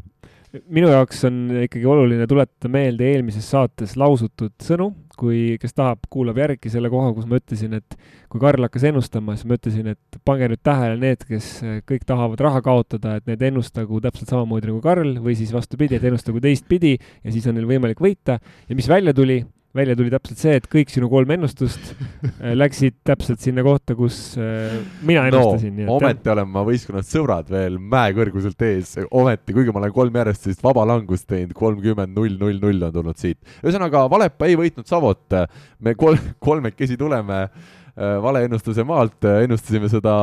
seda, et Valepa siis Soome valitseva meistrina suudab nüüd Savot, kes on karikavõidust, me eeldasime natukene veel uimas, alistada, aga ei suutnud ja ma sain ka Andrus Raadikult, sain nahutada, kohe ta kuulas meie saate ära, ütles, et mis mehed te olete, et ennustate kõik koos selle vastu, et et me kaotame oma võistkonnaga. Andrus siis teatavasti jah, Savo võistkonnas taas mängib ja ma tean, et äh, ma siin soovitasin Kertu Raagi, Laagil võrkpalli kahekümne nelja peatoimetajal teha ka Andrusega intervjuu, et äh, noh, rääkida üldseisust, et hooaeg on hästi läinud individuaalselt, võistkondlikult ja ma kindlasti palusin tal küsida ka seda, et et kas Andrus võib-olla natukene pelgab seda intervjuud, sest me mäletame, et äh, paar hooaega tagasi oli hooaja lõpp kätte jõudnud, tähtsamad mängud ees või no ütleme, osad tähtsamad juba läbi saanud, proksiseeria oli ees ootamas, Andrust seal Savos tegime selle intervjuu ja paar päeva hiljem enam äh, Andrust võistkonnas ei olnud, et ma palusin tal küsida, et kas Andrus ka tunneb natukene sellist ebakindlust, kui ta annab võrkpalli kahekümne neljale taas sama võistkonna liikmena ühte intervjuud hooaja lõpu eel, et see võib olla päris riskantne. aga loodame, et kõik läheb hästi no eks olud on hoopis erinevad, et nüüd ja, ikkagi võistkonnal läheb hästi ja tundub, et tehakse õigeid asju, siis oli Andrus üks äh, julgetest, kes äh, ütles asjad välja, mis olid valesti ja, ja soomlased ei ole vist väga hea kriitikataluvusega, nagu me kõik aru saime. kuigi klubijuhid olid, näed, nad võtsid, eks ole, mehe väga hea meelega tagasi ja fännid on kõik tervitasid teda. aga nii ongi, et võib-olla näed, kokkuvõttes klubile mõjus see hoopis hästi. tehti väike puhastus ja mõeldi oma asjad äh, natukene loogilisemaks ja paremaks, aga ennustuse poole pealt jah, enne kui me numbrite ja, ja panuste juurde läheme, siis kaks asja, mis siit kõrvale panna, et ei tasu Ratsa vastu panustada ja ei tasu Aganitsa poolt panustada, et tema on mind nüüd küll juba mitu korda alt vedanud mm. ja, ja Savovolle puhul muidugi see on ka alati või, või seda tasub meeles pidada, et kui nad juba karika võitsid, Savo on siis üks võistkond, mis pandi seal lähipiirkondsete linnade või, või külakeste, kuidas öelda, võistkonna või, või, või ütleme siis kohtadest kokku, nad mängivad ju erinevates kohtades oma kodumänge ja tehti ikkagi niisugune võistkond, mis oleks suur ja, ja võidaks Soomes tiitleid, et nüüd siis sel hooajal karikas on juba käes ja lõpuks täiesti reaalne šanss, et nad võidavad ka Soome meistritiitli, ehk siis Raadikul ikkagi väga oluline roll üleüldse Soome võrkpalli sellise uue klubi tõusus on, on nüüd olnud. aga minul jah, Valepa ei võitnud Savot, ei võitnud ka Keemerova Kuspas kaasani seniiti ja loomulikult jalgpallis Burkina Faso sai Senegalilt tappa poolfinaalis Aafrika meistrivõistlustel, nii et kolmekümnest taas ilus null tekkis. siis meil oli, kes meil ennustamas oli veel, kes ennustas seda, et, et CEF karikasarjas Tours võidab Karlo Varskot, see oli Alar, tema siis sellega sai hakkama, see nii läks, aga Valepa ei võitnud ka tema jaoks Savot, nii et kolmekümnest eurost jäi kaheksateist alles seekord. ja mida ennustas siis Mihkel, ennustas Valepat mööda, sinna läks kümme ära, siis CEF Cupil naistest Mladost kaotas Utšile teise mängu kaks-kolm, kui kuldse geimi võitis ülinapilt, ülinapilt. sinna läks ka kümme euro minema, aga Poola karikas siis meestel Gdansk võitis Katowicet, seal tegi siis kümnest eurost kuusteist, nii et kokkuvõttes nädalaga miinus neliteist sulle, langesid tabeli Stepanist siis tahapoole ja oled kolmas, aga jätkuvalt ikkagi plussis, kakssada kolmteist eurot sul on kirjas. ja Timo Lõhmus ehk sõbrad, New York Islandersi suur fänn, nagu välja tuli siis jäähoki maastikul, võitis Ottavat New York, seda teadis Timo, aga kaotas Seattle'ile, nii et kokkuvõttes tuli ikkagi sõpradele taas miinus, tõsi, ainult neli eurot, seda, selle puhul võiks küll ikkagi eraldi kiitust avaldada, et sõprade saldo nüüd siis nelikümmend neli eurot, viimasel kohal nemad, mina olen eelviimasel kohal saja euroga ja Kristjan Kais siis tabelis minu ees hetkel kuuendal kohal saja seitsmekümne euroga ja Alar, sina oled hetkel viies saja seitsmekümne kahe euroga. nii, aga võtame siis selle nädala ennustused, ütleme ära ka meie Pahvi liberosärki kandev äh, mees Rait Rikberg ütleb siis seekord kombo panusena, et Wroclaw äh, võidab äh, Poolas äh, Põtkošit, see peaks olema siis meie mehe Rainer Vassiljevi koduklubi Wroclaw, üks koma neli on koefitsient ja et Belhatov võidab Lublinit äh, Poola siis kõrgliigas. Ja ja ta ütles, et pange kombo panusena ja et äh, võrkpallisõpradele palus ka edasi veel öelda, et pange võimalikult suur raha, sest siis saab rohkem ka tagasi võidu korral. vot selline soovitus äh, Rait Rikbergilt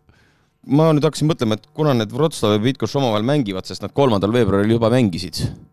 kas mängivad veel või? kas sul see vana info natuke ei ole? ei ja..., see esmaspäevane mäng on jah, on tulemas. aa, siis nad mängivad Tuleb uuesti, sest et viimane mäng just oli kolm-kaks, siis Rainer Vassiljevi klubi võitis.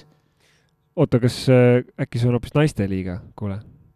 ma just mõtlen äh,. ma vaatan, kas siin, vot, vot sellist ma asja. arvan küll, et natukene on asjad sassi läinud, sest äh, Wroclawi järgmised mängud on äh, hoopistükkis, kui me räägime meeste Tauron liigast on hoopiski Kutšborgi ja, ja siis järgmine mäng on neil ka siin kavas hoopistükkis. ja juba leidsin. Tšestohovaga. Tauron liiga, see peaks naiste olema liiga. naiste liiga neil. see on naiste liiga, jah. nii et see lihtsalt minul eeldasin millegipärast jah, need nimed olid tuttavad, et. Rait Rikberg ennustas naiste liigat, vaadake. ta ise, ma pean ütlema küll ka seda, et kuna mina talle pakkusin välja need ennustamiseks, siis ega ta ilmselt ei tea, et ta naiste liigat ennustas, aga ühesõnaga Wroclawil üks koma neli ja Belhatovis Kral siis Lublini vastu. unustage see eelnev jutt kõik ära ja, ja keskenduge naiste õigesti. ma, ma hakkasin ka mõtlema, kui sa rääkisid, ma nagu vaatasin enne seda mängu ennustamise mõttes, et huvitav. minu tundus ka loogiline kõik, et tuttavad meeskonnad, kes omavahel varemgi mänginud ja miks siis mitte, aga näete, jõudsime selguseni, see näitab taaskord äh,, on niisugune saade nagu äh,, mis see siis äh,, mis saade on Kukus, tarkade tarkade klubi. tarkade klubi, mida ma kuulan. Lemo turniir on ka. jah, aga noh, Tarkade klubi ongi, meil on ka siin oma Tartu stuudios ikkagi Tarkade klubi, me ise selgitame välja, oma eksimused parandame ära. Ma olen juba sellega harjunud, et ma, Karl, sind kogu aeg parandama pean nii, aga millised on teie seekordsed äh, välja valitud ennustused siis? Äh, mina alustan siis ja Poola liiga ja nüüd selge plussliiga mehed ja kaks mängu ma valisin välja. Äh, Timo Tammemaa on tõusnud väga heasse vormi ja tabeliseisu arvestades siis kuigi nad on väiksed favoriidid koefitsientide järgi, arvan ma, et Rešovia võidab Varssavit. Varssavil ei ole olnud nagu kõige paremad ajad ja, ja see ei ole küll kindel panus sugugi mitte. et äh, väga julgelt ma seda ei pane, aga viisteist eurot läheb siis Asseko Rešovia võidu peale koefitsiendiga üks koma seitsekümmend kaks. nii, see on siis viisteist eurot või? just. ja teine viisteist läheb minu endise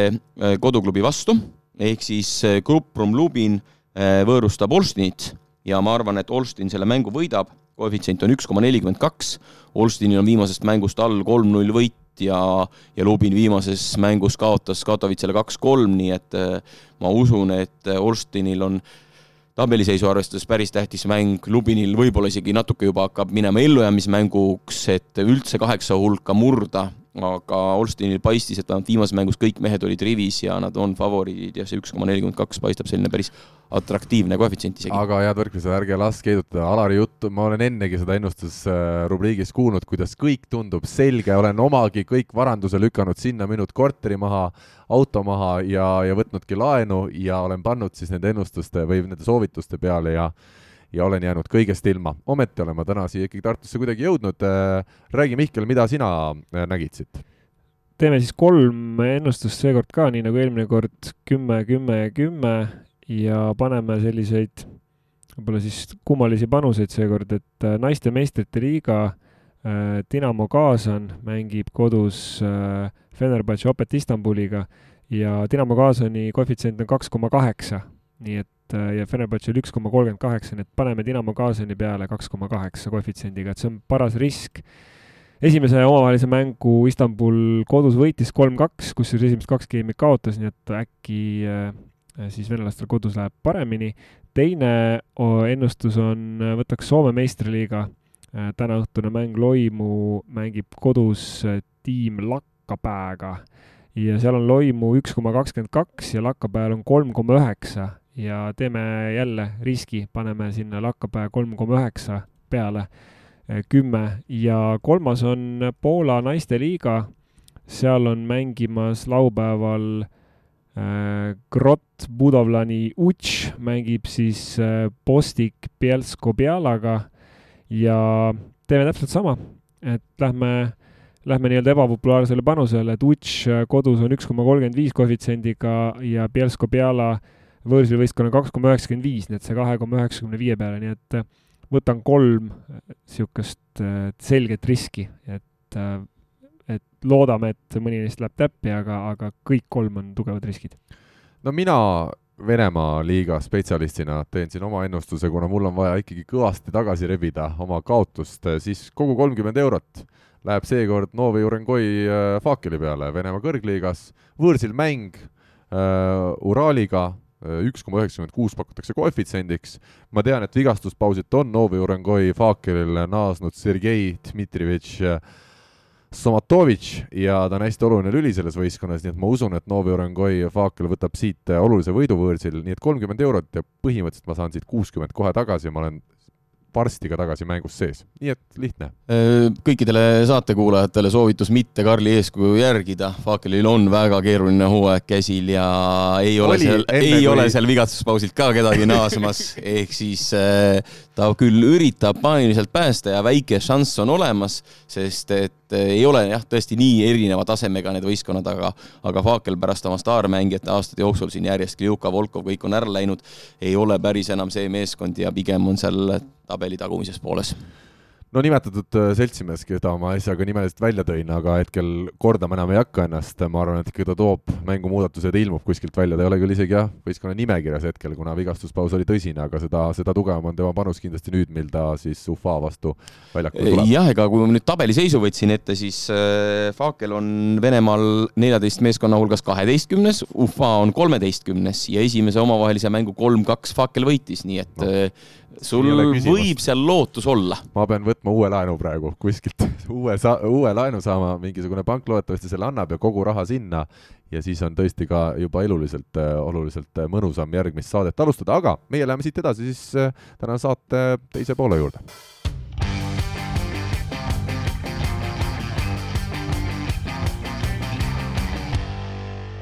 Rõõm on tõdeda, et me ikkagi saame rääkida meistrite liigast tänavusel hooajal ka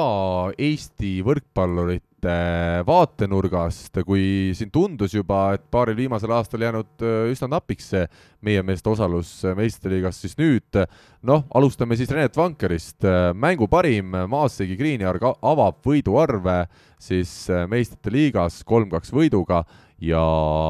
Renet Vanker siis mängu parim ja Henri Treial samuti korralik esitus. et, et, et kuidas tundub, Reneti puhul areng on olnud silmnähtav juba? ma arvan, et kogu võistkonnale võib-olla hooaja parim võit, sellepärast et vastasel ei olnud sugugi tegemist vähetähtsa mänguga Ziraat Pank on teisel kohal ja jääb alagrupis teiseks, aga et olla kolme parima teise koha võitja hulgas, on olukord päris kriitiline ja pigem ma natukene hakkan kalduma sinnapoole, et sellesama mänguga mängis Ziraat Pank ennast välja kaheksa parema hulgast ehk siis veerandfinaali pääsust. et sellest vaatenurgast kui vaadata, et kui palju oli Türgi hiiul siis mängus, kindlasti väga-väga suur võit Renet Vanker, me teadsime, et Joel Banks siis äh, mees, keda me teame ka Soome koondise eesotsast, äh, tõi ta võistkonda ikkagi põhisidemängijaks, kuivõrd äh, üks põhimees oli seal vigastatud ja, ja teine põhimees kangesti noor ja, ja mitte väga kvaliteetne. aga et Vanker ikkagi sedasi suudab ennast päris kiiresti mängima saada ja, ja nagu sa ütlesid, vastase, vastane ei olnud tundmatu meeskond Türgist ja vastane oli tõesti ka keegi, kellel oli seda võitu väga vaja, siis äh, Reneti mäng seda rohkem valmis seda seadmelt, äh, ka ise jälgisin äh, mängu teist poolt ja, ja kui ma olen siin ise öelnud ka saates viimastel nädalatel või viimastel kuudel, et kui Gert Toobal tuli tagasi, et siis ikkagi jätkuvalt tema tasemevahe kõigi teiste Eesti sidemängijatega on üüratu siis no selle mängu põhjal vähemalt ma ei julge enam nii öelda, et Renet Vanker, kui tal on korralik päev või hea päev, siis ta ikkagi võib mängida juba päris korralikul tasemel. jah, meil on Eestis selline julgelt viis sidemängijat, kes on võimelised mängima kõrgekvaliteedilist võrkpalli. ja võib-olla see erinevus ja vahe tulebki välja selles, et kes ja kui stabiilselt seda suudab lihtsalt näidata et üksiku ilusa mängu tõesti suudab üks, teine või kolmas kokku panna, aga vahe tulebki sellest välja, et kes igapäevaselt seda suudab teha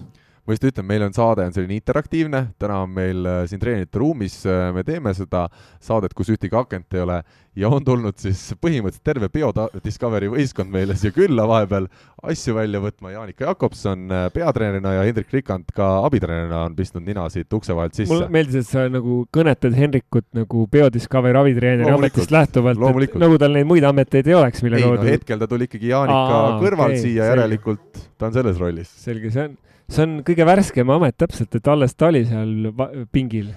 ja, ja ei suutnud tuua ühtegi punkti Biodiscoverile Audentese vastu millegipärast, et äh, õnneks, geeni, geenivõit oli väga lähedal. õnneks ta on mikrofonist hetkel küllaltki kaugel, nii et isegi kui ta tahab midagi ohutus kaugel, siis, see ei jõua kuulajateni. aga äh, läheme edasi. kas äh, Reneti jaoks Alar, samal ajal kui ta siin peab miimika abil suhtlema Biodiscovery kõigi liikmetega, kas Reneti jaoks tähendab selline esitus meistrite liigas midagi ka järgmist hooaega silmas pidades? kindlasti, et see selline mäng on koht äh, silma paista.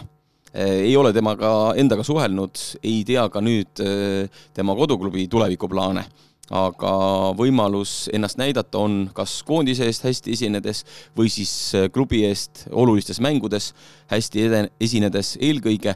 ja treeneri vahetus on ka veel, mõtled need kõik asjad kokku, et ei välista, et see võib talle anda võimaluse, et Maaseik teeb uue pakkumise järgmiseks hooajaks. see võib eh, tekitada sellise olukorra, kus jääb oma mänguga teistele klubidele silma ja teades tema motivatsiooni ja tahet ikkagi tugevamates välisliigades mängida, siis äh, nii see üks mäng kui ka kõik järgnev, mis sel hooajal teda veel ees ootab, on tulevikku silmas pidades ääretult oluline ja no võtame selle lihtsa asja, et tol päeval äh, nädala keskel, mil see mäng peeti, oli siis see mäng Youtube'is tasuta vaadatav. Äh, vastane oli küllaltki tummine ja siin võib olla väga nagu inimlikule tasandile kõik langeda, et keegi agent Äh, sattus vaatama lihtsalt äh, teisipäeva õhtupoolikul meistrite liiga mängu, vaatab seal, näed, keegi sidemängija tegutseb hästi, hakkab uurima, kellega tegu on ja ja või siis mõni võistkonna esindaja, et, et nii lihtne see tegelikult ongi, et võrkpallimaailm on suhteliselt väike, meistrite liiga on see kõige kõrgem tase ja, ja sealt võib kellelegi silma jääda. ikka võib juhtuda ja on olnud selliseid mänge, kus ühe-kahe mängu põhjal äh, saadki endale töökoha järgmiseks hooajaks, aga ikka piisavalt professionaalseks on äh, võrkpall vähemalt äh, tugevamates liigades läinud. et kui me räägime agentidest, klubijuhtidest, äh, peatreeneritest või siis nendest inimestest, kes otsivad uusi mängijaid, siis tihtipeale ühe mängu põhjal otsuseid ikkagi ei langetata, et vaadatakse veidi pikemalt mängija esitlusi, kas siis hooaja või hooaegade lõikes, et e, kui on soov teenida hea välisleping, siis peab sellel ka olema mingisugune taust aga me ei saa vähe tähtsustada ka Henry Treiali rolli selles võidus, sest viiendas game'is oli vist üksteist kümme maasseik peal oma servil ja siis Henry Treial võttis plokiga seal vastaste tempomehe kinni, kaksteist kümme peale ja sealt enam kätte kätte siis äh, Sirat Pankasse ei saanudki maasseiki. Henry Treialile tunneme täpselt samamoodi hea meelt, eks ole väga hästi, siin isegi polnud midagi lisada. aga teine oluline sündmus siis meistrite liiga tandrilt on meil see, et Rööselaare võistkond ja Märt Tammearu said Friedrichshafenist, Andrei Aganitsa koduklubist siis jagu kolm-kaks ja samuti hea, hea sõnum siis meie jaoks just Tammearu esitus, sekkus pingilt ja tegi seda hästi. jah, tema hooajale nüüd pikemalt natuke tagasi vaadates, siis selgelt oodatust väiksem mänguaeg et eh, ta on käinud episoodiliselt väljakul ja eh, vigastustelgi on siin oma roll olnud. Eh, ise ma loodan ja teades-tundes teda päris hästi, kuna oli ka minu mängija, siis võiks olla sellist sportlikku viha kogunenud ja mänguisu kogunenud päris palju, et ennast näidata ja mina usun samas ka loodan, et see kõik, mis on kogunenud, need kogemused, mis nüüd esimesest välishooajast on saadud, võiks siis realiseeruda pigem suvel Eesti koondises. et äh, näha on, et tema roll klubi tasandil on rohkem vahetusmängijana mm,, seda oli natuke ka teada, kui, kui tema põhikonkurendiks oli mm, noor Belgia koondislane ja samamoodi ka Belgia koondise üks tulevikutähti potentsiaalseid, et siis pigem eelistatakse kohalikku ja selgelt peaks ta üle mängima siis Desmeti eh, lootuses, et eh, olla põhimängija. seda ei ole juhtunud, Desmet on teinud korraliku hooaja ja sellepärast ka Märdil on rohkem selline eh, vahetusmehe roll sel hooajal jäänud. aga nüüd siis üks põhimees on seal viga saanud ja, ja Märdil peaks olema hea võimalus äh, mängida ennast põhikoosseisuga pikemaks ajaks ja kõige tähtsamateks mängudeks. Märt Tammerud siis Rööselaare kolm-kaks võidumängus kümme punkti, efektiivsusnäitaja pluss üheksa, rünnak kuuskümmend protsenti ja vastuvõtt kuuskümmend kaks protsenti, et äh, igati ilus esitlus ja, ja tõesti, mille üle on kõige rohkem hea meel, et tundus juba vahepeal, et Eesti võrkpall hakkab nagu suurelt kaardilt klubivõrkpallis ära kaduma, aga sel aastal me oleme näinud äh, päris palju euromänge taas, nii Eestis kohapeal, meie klubide esitus, kui ka nüüd seda, et ikkagi meistrite liigas meil on mitte ainult üks mängija, nagu eelmisel aastal Martti Juhkami näol äh,, mängis seal siis äh, sel aastal ikkagi juba ütleme, käputäis või ühe. Jah, eks seal on natukene õnne ka, et kui sa lähed välisklubisse, võtame kas või Poola korraliku võrkpallihiiu Belhatovi, siis tänavu mängitakse aste madalamalt CEF-kapis lihtsalt sellepärast, et eelmise hooaja Poola meistrivõistluste koht ei võimaldanud meistrite liigasse pääseda ja kui näiteks tänavuse hooaja lõpetab väga korralikult Ardo Kreegi set Prantsusmaa liigas, siis ka neil oleks eh, ju võimalik saada meistrite liiga koht, et kui me vaatame eh, Prantsusmaalt mängib meistrite liigat praegu Cannes, kes Prantsusmaal vist nüüd napilt tõusis eelviimasele kohale. et see tase on selline tihe ja, ja see, et kas sa satud kuhugi ja mis tasemel eurosarja, ei olegi alati sõltuvuses sellest klubist, vaid sellest, et mis koha ta eelmisel hooajal oli saanud oma koduses sarjas et sellepärast aastast aastasse need meistrite liigas osalevate eestlaste numbrid on ka natukene üles, natuke alla kõikunud samal ajal jälle interaktiivne saade meil, Oliver Lüütsepp on jõudnud äh, kenasti siia treenerite ruumi, kus me saadet lindistame, tundub, et jõusaalitreening on hästi möödunud, sest sealt maski alt, ta tõstabki pöidla püsti, aga maski alt on isegi näha seda, seda rõõmu, mis äh, abitreeneril oli, kui ta saab ilma peatreenerita natukene ka tööd teha rahus, sellises tõelises mõnusas atmosfääris, nii et keegi kõrvalt kogu aeg midagi ei, ei täpsusta. aga, aga vaatame, kas täna, kellel kõige suuremad raskused olid, kas Oliver meile ütleb siit kangi peal? Juhkami, Juhkami ja Saaremaa. nii et Alex Saaremaa tõstab teil suuri raskusi, Alar? Äh, meil tõstavad kõik suuri raskusi. kas äh, Alex Saaremaa tõesti on teil jõusaali siis selline spetsialist või on, või on siis Kang on sedasi ja mõlema kangi otsa peal on ka kaasmängijad, kes aitavad tõsta seda raskust, mis peal on? ei no eks ta saab ikka ise selle kangi üles, mis on vaja nii et Alex Saaremaa, see on selline jälle hea info, mida me saame keset saadet teada. Alex Saaremaa on üks meeskonna tugevamaid mehi jõusaalis. see muutis nüüd sinu mingit paradigmat või usun, Tartu mängude ei, jälgimist ja kommenteerimist? ei, mulle tundub, et Oliver võib-olla ajas mingid paberid sassi lihtsalt, ta tuleb küll paberitega siia minu juurde. Teil on isegi kirjas kõik, mis täna sai tehtud. ja ongi, ja päriselt ongi Alex Saaremaal äh, kõrged numbrid. väga hea meel, mul on Alex Saaremaa üks äh, Tartu meeskonna lemmikmängijaid ja näed väga vahva aitäh, mul on tõesti, mulle tuuaksegi otse, tuuakse paberid, kus on kõik kirjas. kuna me vaata rääkisime enne sellest potentsiaalsest äh, nagu osalemisest ja sellest, et kuidas seda treeningkava oleks võimalik saada, siis äh, siis noh, nüüd nagu Oliver tegi algust sellega, et ta nagu juba hakkas sulle neid raskusi näitama ja kuidas seda asja planeeritakse, et aga noh, see on niisugune nagu reklaammaterjal, vaata, et mm, -hmm. et sa mhm. tuleksid kõigi nende muude tingimustega, millest meil saate alguses juttu oli, tuleksid nendega kaasa ma kahtlen siiani, kas Tartu Bigbank tõesti mind igapäevaselt siin näha tahaks. aga raha eest on kõik võimalik. ma saan aru, jalgpallis te teate hästi seda, raha teeb imesid, aga äh, läheme, läheme edasi, meil on vahepeal, ma võtan ühe küsimuse, kuna me Tammerust rääkisime, meil tuli Siim Liblikult ühelt meie healt saatekuulajalt äh, mõned nädalad tagasi küsimus, mis oli Alarile suunatud, ma võtan selle ette. tere teie podcast'ile küsimus. Rikberg ükskord rääkis, et oli soovitanud Tammearule valida, kuhu liigasse minna, et mõned liigad on nõrgemad kui Eesti-Läti liiga. lisame siis Leedu ka ikkagi, Karkstai mehed võib muidu kuulavad ja, ja, ja soluvad hingepõhjani. aga mitmendal kohal Euroopas sel hooajal siis meie kohalik liiga on? mitmete suurte liigade esiliigad on samuti meist ees, aga hea teada, kas oleme kahekümne seas või peale seda või pärast seda. ehk menetlete seda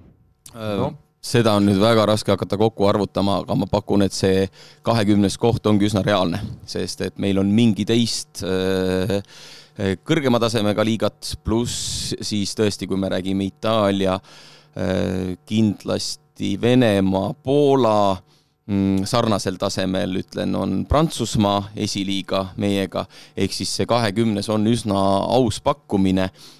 aastast aastasse see muutub, eelmisel aastal kindlasti võisime platseeruda kõrgemal, sest kui mõelda nii Bigbank, Tartu, Selveri, Saaremaa äh, mängulist taset mullu ja kogu seda liiga ühtsust panna siia juurde ka veel Lätis, äh, nii Jurmala kui EKAP-is olid ikka väga korralike võistkondadega Eh, siis sel aastal ma arvan, et oleme veidi kukkunud, noh, selgelt allpool, kui me võrdleme Tšehhi, Soome või selliste liigadega, samas omavahelised mängud Šveitsiga eurosarjas ja juhtus niimoodi, et Šveitsi liiga liidriga mängisime meie meistrite liigas, võitsime ja Šveitsi liigas seal keskel olevat Schönenbergi võidis ka TalTech, ehk siis see võiks olla meiega üsna sarnasel tasemel liiga siis tänavu. aga tuleme nüüd siis selle meistrite liiga juurde tagasi, millest meil siin teema pooleli jäi A-alagrupis Jašembia Poolast on siis edasipääsu kindlustanud, ainult võite on tunnistanud, Rööselaare siis teisel kohal, kaks võitu, kaks kaotust, me teame, et viis alagrupi meistrite liigas on ja viie alagrupi võitjad pluss kolm paremat teist kohta lähevad edasi, aga tundub, et Märt Tammearul ja Rööselaarel ikkagi on päris keeruline siit edasi minna, me Alariga põhjalikult vaatasime enne saadet seda seisu, et siin teises alagrupis on nii palju paremat seisud, Friedrichshafen siis Andrei Aganitsa koduklubi selles samas alagrupis kolmas koht, üks võit, nende edasipääsuvõimalused juba kadunud jah, tundub, et nii ta on, et igas alagrupis on puhtalt võitudega eh, liidrid, eh, lisaks Jašembele siis B-alagrupi liider Moskva Dünamo, C-alagrupi liider Lube, D-alagrupis Berliin, kes küll suure tõenäosusega ma ennustan, kukub teisele kohale, sellepärast et mängida on veel kaks korda Peterburi seniidiga, ehk siis sealt alagrupist ma arvan, kindlasti pääseb kaks parimat edasi. Ja E-alagrupi liider Perugia ma arvan, et nendele parimatele teistele kohtadele kandideerivad eelkõige siis Saksa, äh, Peterburi seniit, nagu öeldud, koos Berliiniga ja pigem siis Trentino, kes küll on kaks kaotust saanud, mõlemad Perugialt, eile õhtul siis äh, viimati jäädi äh, siis maailma ikka täielikule tippklubile alla ja ma arvan, et need teised kohad potentsiaalselt, kui Rooselaare ja ka siis Ankara Ziraatpank alagrupis lõpuks saavad, nemad on need kaks õnnetut, kes siis kaheksa hulgast välja jäävad. aga Eesti või maailma võrkpallikaart on ikka väga selge hetkel, Poola, Venemaa, Itaalia on teistest üle. jah, aga see on nii olnud juba kümme aastat julgelt. Need on need kolm äh, väga selget tugevat riiki, kus liigad on teistest ees ja,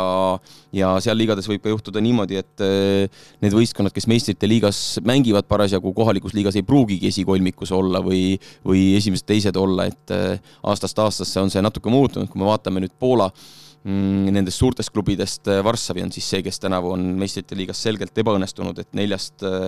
mängust neli kaotust ja seda võib pidada üllatuseks, ka hooaega alustati Poola liigas hästi, nüüd on ka natukene või isegi palju kehvemini hakatud mängima ja kaotusi omajagu saadud, aga üldiselt äh, aastast aastasse, kui võtta need Itaalia, Venemaa ja Poola suured, siis äh, enamik neist ka kaheksa hulka ennast murravad.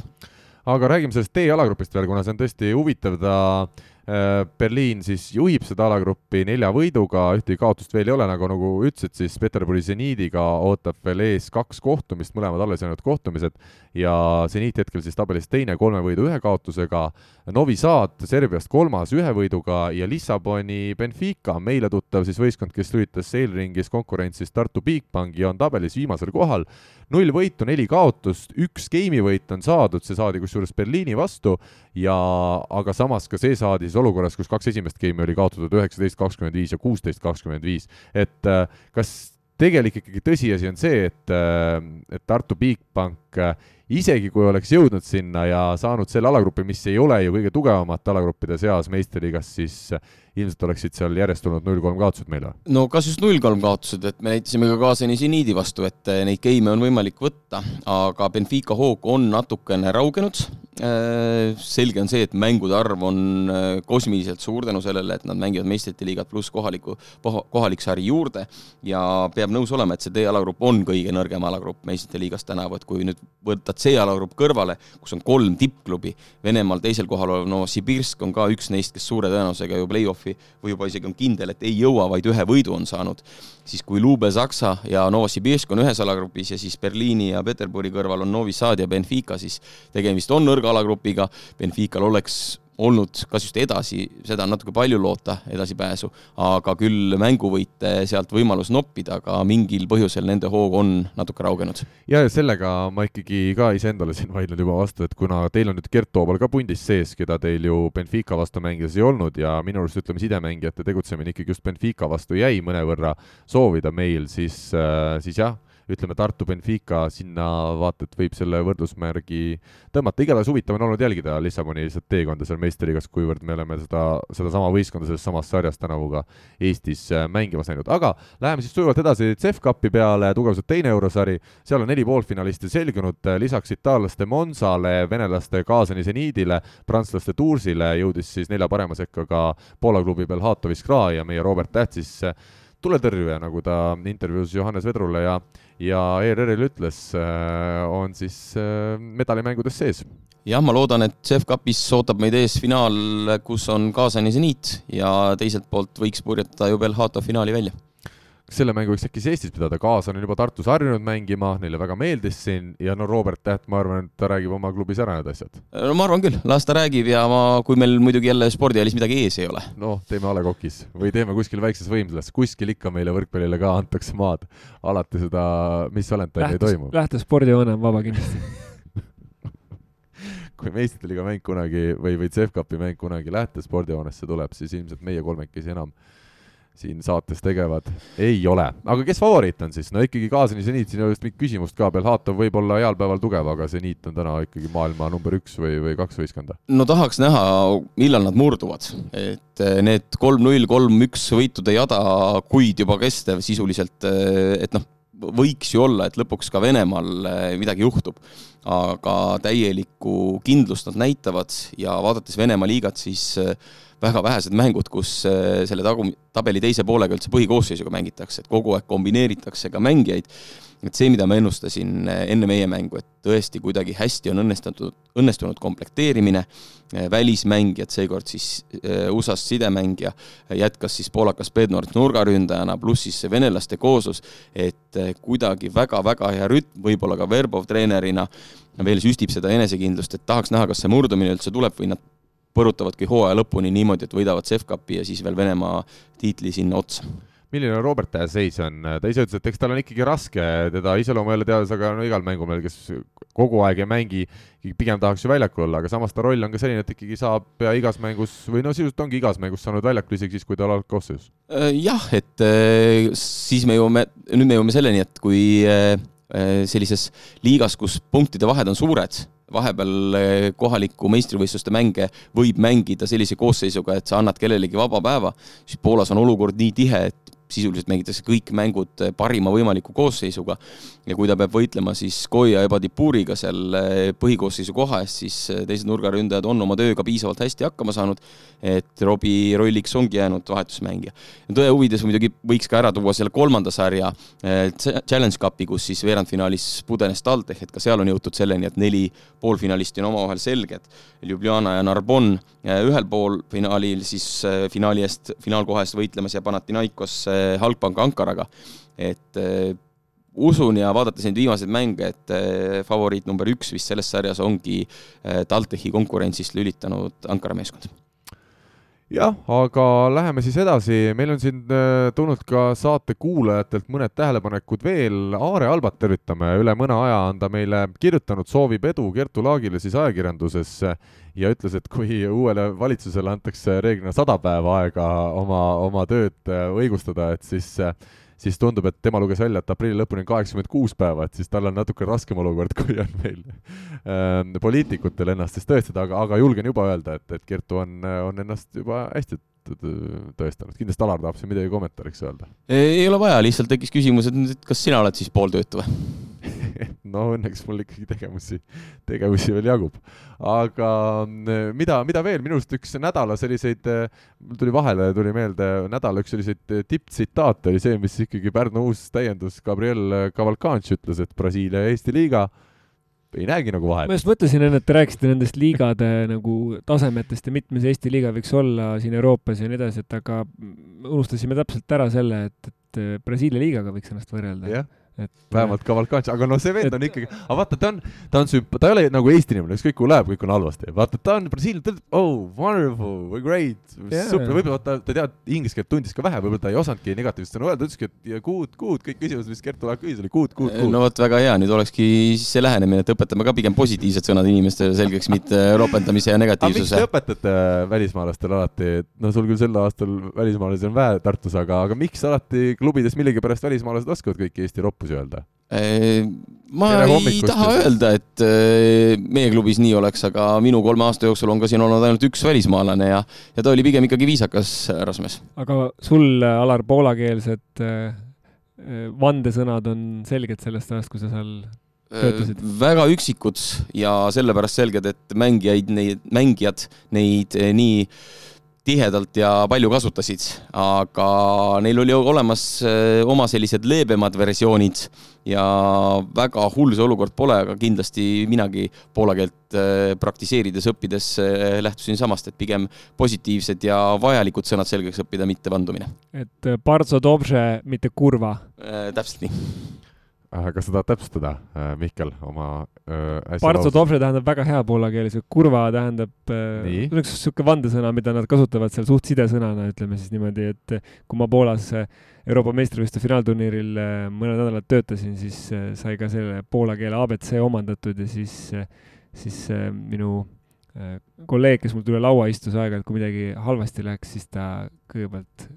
hõikas üle kontori kurva! Niimoodi siukses põnevas Poola aktsendis ja siis läks elu edasi.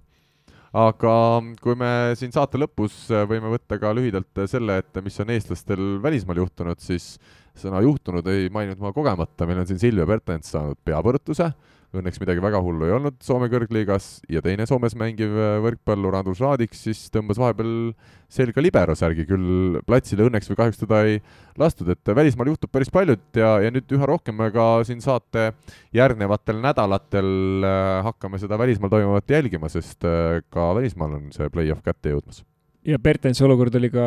videos näha. see oli TikTokis isegi. ehk siis see jõudis ka noortele, kes on alla kahekümne aasta. jah, et see kokkupõrge oli oma mängijaga siis päris selline vastasmängijaga ei saa, sest äh, füüsilist kontakti võrkpallis, nagu me rääkisime, on, on raske vastasmängijaga no, luua. sa saad kokku põrgata ka näiteks, ma ei tea, postiga või pingiga või, või kuhugi joostes või kukkuda, aga jah, see, see, see oli jah, niisugune õnnetu, aga loodame, et on juba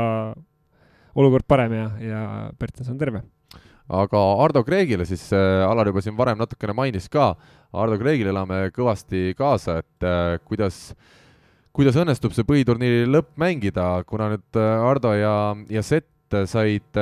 viimasel nädalal kaks kaotust järjest, siin küll Pariisi võideti, aga, aga saadi ka kaks kaotust, siis see tähendab seda, et Sett on langenud tabelis kolmandale kohale, tõsi nüüd Montpellier'ga, teisel kohal paikneva meeskonnaga on neil veel punkte sama palju, aga Tours on ikkagi liikumas nüüd väga kindlalt juba põhiturniiri võidu suunas. et Setil, ma usun, ka see asetus play-off'iks on väga oluline. Prantsusmaa liiga, tõsi, on väga ühtlane, et ega seal vist kerget vastast play-off'is ei ole niikuinii tulemas, Alar Äh, pigem ei ole ja Prantsusmaa on läbi aegade olnud selline mm, väga raskesti etteaimatav liiga. esimene meeskond kaotab viimasele ja ei ole harvad need juhud, kus veerandfinaalides kaheksas meeskond lülitab esimese kohe konkurentsist. et äh, koht on hea, tabeliseis on korralik ja mingisugused eelised see tagab, aga ise on vaja hästi mängida, et siis äh, lõpuni konkurentsis püsida. ja nagu näha oli, et kui selline suht suveräänne valitseja on seal Tours, siis on ka nendega võimalik mängida ja neidki võimalik võita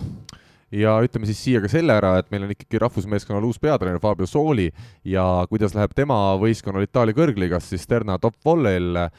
möödunud nädalal siis kaotati Monsale üks-kolm, aga tabelis üheteistkümnendalt kohalt me leiame Fabio Sooli võistkonna. Nii et seegi olgu öeldud äh, ja, ja tõesti mõnes liigas juba on äh, play-off ka äh, kohe kätte jõudmas, kui mitte juba kätte jõudnud, vist päris veel play-off'i mänge me ei ole, ei ole näinud veel, aga, aga nii nagu Eestiski jah, veebruarikuus juba need play-off'id äh, paljudes liigades on algamas. tundub, et tänane saade on küll aeg nüüd äh, vaikselt kokku võtta, sest ühel, ühel inimesel siin äh, tuleb Tallinna tagasi hakata liikuma, tegevusi jagub, ma ei tea, Mihkel ja Alar, mis te teete Tartus täna? mina lähen siit edasi Miina Härma gümnaasiumisse vilistlast-tundi andma, meil on selline tore traditsioon, et et äh, Miina Härma sünnipäeva nädalal käivad vilistlased äh, tunde andmas ja sa räägid võrkpallist? selline aine nagu äh, valikaine on Miina Härma gümnaasiumis inglise keelel nagu mass communication, nii et ma lähen selles, selles aines siis räägin natukene kommunikatsioonist ja ajakirjandusest. ja võrkpallist? plaanis ei ole vähemalt. üldse? kas nii me arendame siis Eesti võrkpalli? Nii me arendame Eesti, ma ei tea, Tartu haridussüsteemi, ma pakuks. ei no aga lepime kokku, et sa ikkagi alustuseks näiteks ütled, et sa tegid äh, praegu kaasa ühes väga huvitavas saates, mida saab kuulata SoundCloudist, Spotify'st, iTunes'ist ja väga teistest äh, paljudest toredatest rakendustest. ja siis panen sinna selle klausi juurde, et tegemist ei ole makstud äh, teabega no tõesti ei ole ju. ei ole, jaa, pigem on minu poolt peale makstud teabe, ütleme niimoodi Alar, mis sind täna ees ootab veel? Ehm, lõunasöök, ehm, natukene jälgin olümpiamänge ja siis keskendume juba õhtusele treenile, et selle nädala üks tähtsamaid treeninguid on tulemas. Ehm, viimane selline väga tõsine ettevalmistus pühapäevaseks mänguks. et homne trennipäev on, on ka veel enne leedukatega mängu, kuna mäng on meil üsna varajane kell kaks, siis mängupäeva hommikul me see nädal trenni ei tee kas sa vaatad äh, kordusest ka üle või, et kas Ivo Niskanen ka kordusest vaadates tuleb olümpiavõitjaks? seda ei vaata, ma arvan, et kui ma teleri isegi lahti peaks tegema ja sealt miskit vaatama, siis olümpiamängudel on, ei, olümpiamängudel on muidki asju tulemas. selge, aga sellel lõbusal ja väga üldharival äh, noodil me tänase saatega siit Tartust kokku võtame, loodetavasti on taas äh, uuel nädalal uus koht meid ees ootamas, jätkuvalt me kuulame ja ootame inimeste kutseid erinevatesse kenadesse paikadesse, kus on tore saadet lindistada. mul tuli Võrust muide, tuli kutse, aga nad ütlesid lihtsalt, et tulge tehke meil, aga ei olnud nagu sellist head paketti koos. mul on järgmine koht siis sulle välja pakkuda, et kui me juba selles saates rääkisime niivõrd palju, siis äkki Viljandisse. ma tahtsin öelda, et lähme, Karl, vaatame Viljandis ühe metalli naiskonnamängu ja ja selle, selle taustal võiks ta,, taustal võiks ju mäng käia ja samal ajal võiks saadet teha. samal ajal, siis sa ju ei jälgida seda mängu no me räägime, me räägime. otsereportaaži. me räägime mängust, mängust ka, et vaatame siis, see saade võiks lõppeda sellega, et värskelt äh, siis mängus äh, et me lõpetame täpselt siis häid, ära mängu. ei, häid, häid esitusi teinud mängijad, äh, näiteks Võrkpalli kakskümmend neli peatoimetaja tuleb meile stuudiosse ja annab oma versiooni sellest. sa arvad, see heli ja kõik see on hea, mis seal mängu ajal? ma arvan, väga hea, see palli patsutamine taustaks, et mina mäletan aga küll. sa tahad korvpalli vaatama minna? ei, no palli patsutamine on, ma olen võrkpallis ka, kui sa lähed servima, et mul on kuidagi meeles. kuule, kas see oli Katriin Põld, me käisime sinuga koos vaatamas seda mängu Tallinna Ülikooli, ta põrgatas seal üks nelikümmend seitse korda, kuni Tiit Kõiv lõpuks ära vilistas selle. see, ma ei ole näinud äh, tükil ajal seda, et ma mäletan äh, aega, kui kui oli, kui see, kui see oli, et sa said nagu kaks korda servil nagu proovida, siis Kristjan Kais tegi seda, et ta esimese palli viskas õhku ja siis lõi nagu käega niimoodi noh, mööda lasi palli maha kukkuda, siis sai, sai veel teise katse ka, et see mingi hetk kadus ära võrkpallireeglitest. aga nüüd natuke see meenutas, et, et siukest servil vigurdamist äh, no kuigi Katriin Põld ei vigurdanud, vaid see oli tema servirutiin, aga jah, ta tõesti patsutas seal päris kaua, aga ühesõnaga, mis ma tahtsin öelda, et äh, sa ütlesid, et heliliselt, minul on vastupidi meeles mingisugused Eesti Raadio reportaažid äh, Paide spordihallist, kus Paide Heerese nimeline võrkpallimeeskond mängis meeste meistriliigas aastaid tagasi ja mul on nagu see väga elavalt meeles see, see just see hääl ja heli taustal, kus äh, seal on see vile, siis see palli noh, põrgatamine, siis kui sa lähed servima või no kõik see, et minu meelest see on väga inspireeriv, kui meil taustal oleks nagu äh, midagi rohkemat kui siin äh, vaikne kontor no, kuigi et, meil oli täna ikkagi siin liiklust. täna oli liiklust jaa, isegi Rikand tahtis. liiklust oli rohkem kui Tartu linna peal. Eh, oluliselt rohkem, et isegi Rikand tahtis saatesse nii-öelda vägisi eh, sisse tulla. ja minul siin soovitus nendele, kui kunagi peaks hakkama regulaarselt tulema ülekandeid Eesti naiste meistriliigast, siis võib-olla saabki mitte tehnilisi aegu ei ole vaja, vaid siis, kui Katriin Põld läheb servima, siis läheb reklaamipausile ja tagasi olema siis, kui Katriin teeb viimased põrgatused ja servib. head võrkpallisõbrad, aitäh kuulamast ja kohtume taas Eesti kõige põnevamad podcastid on Delfis, kuula tasku.delfi.ee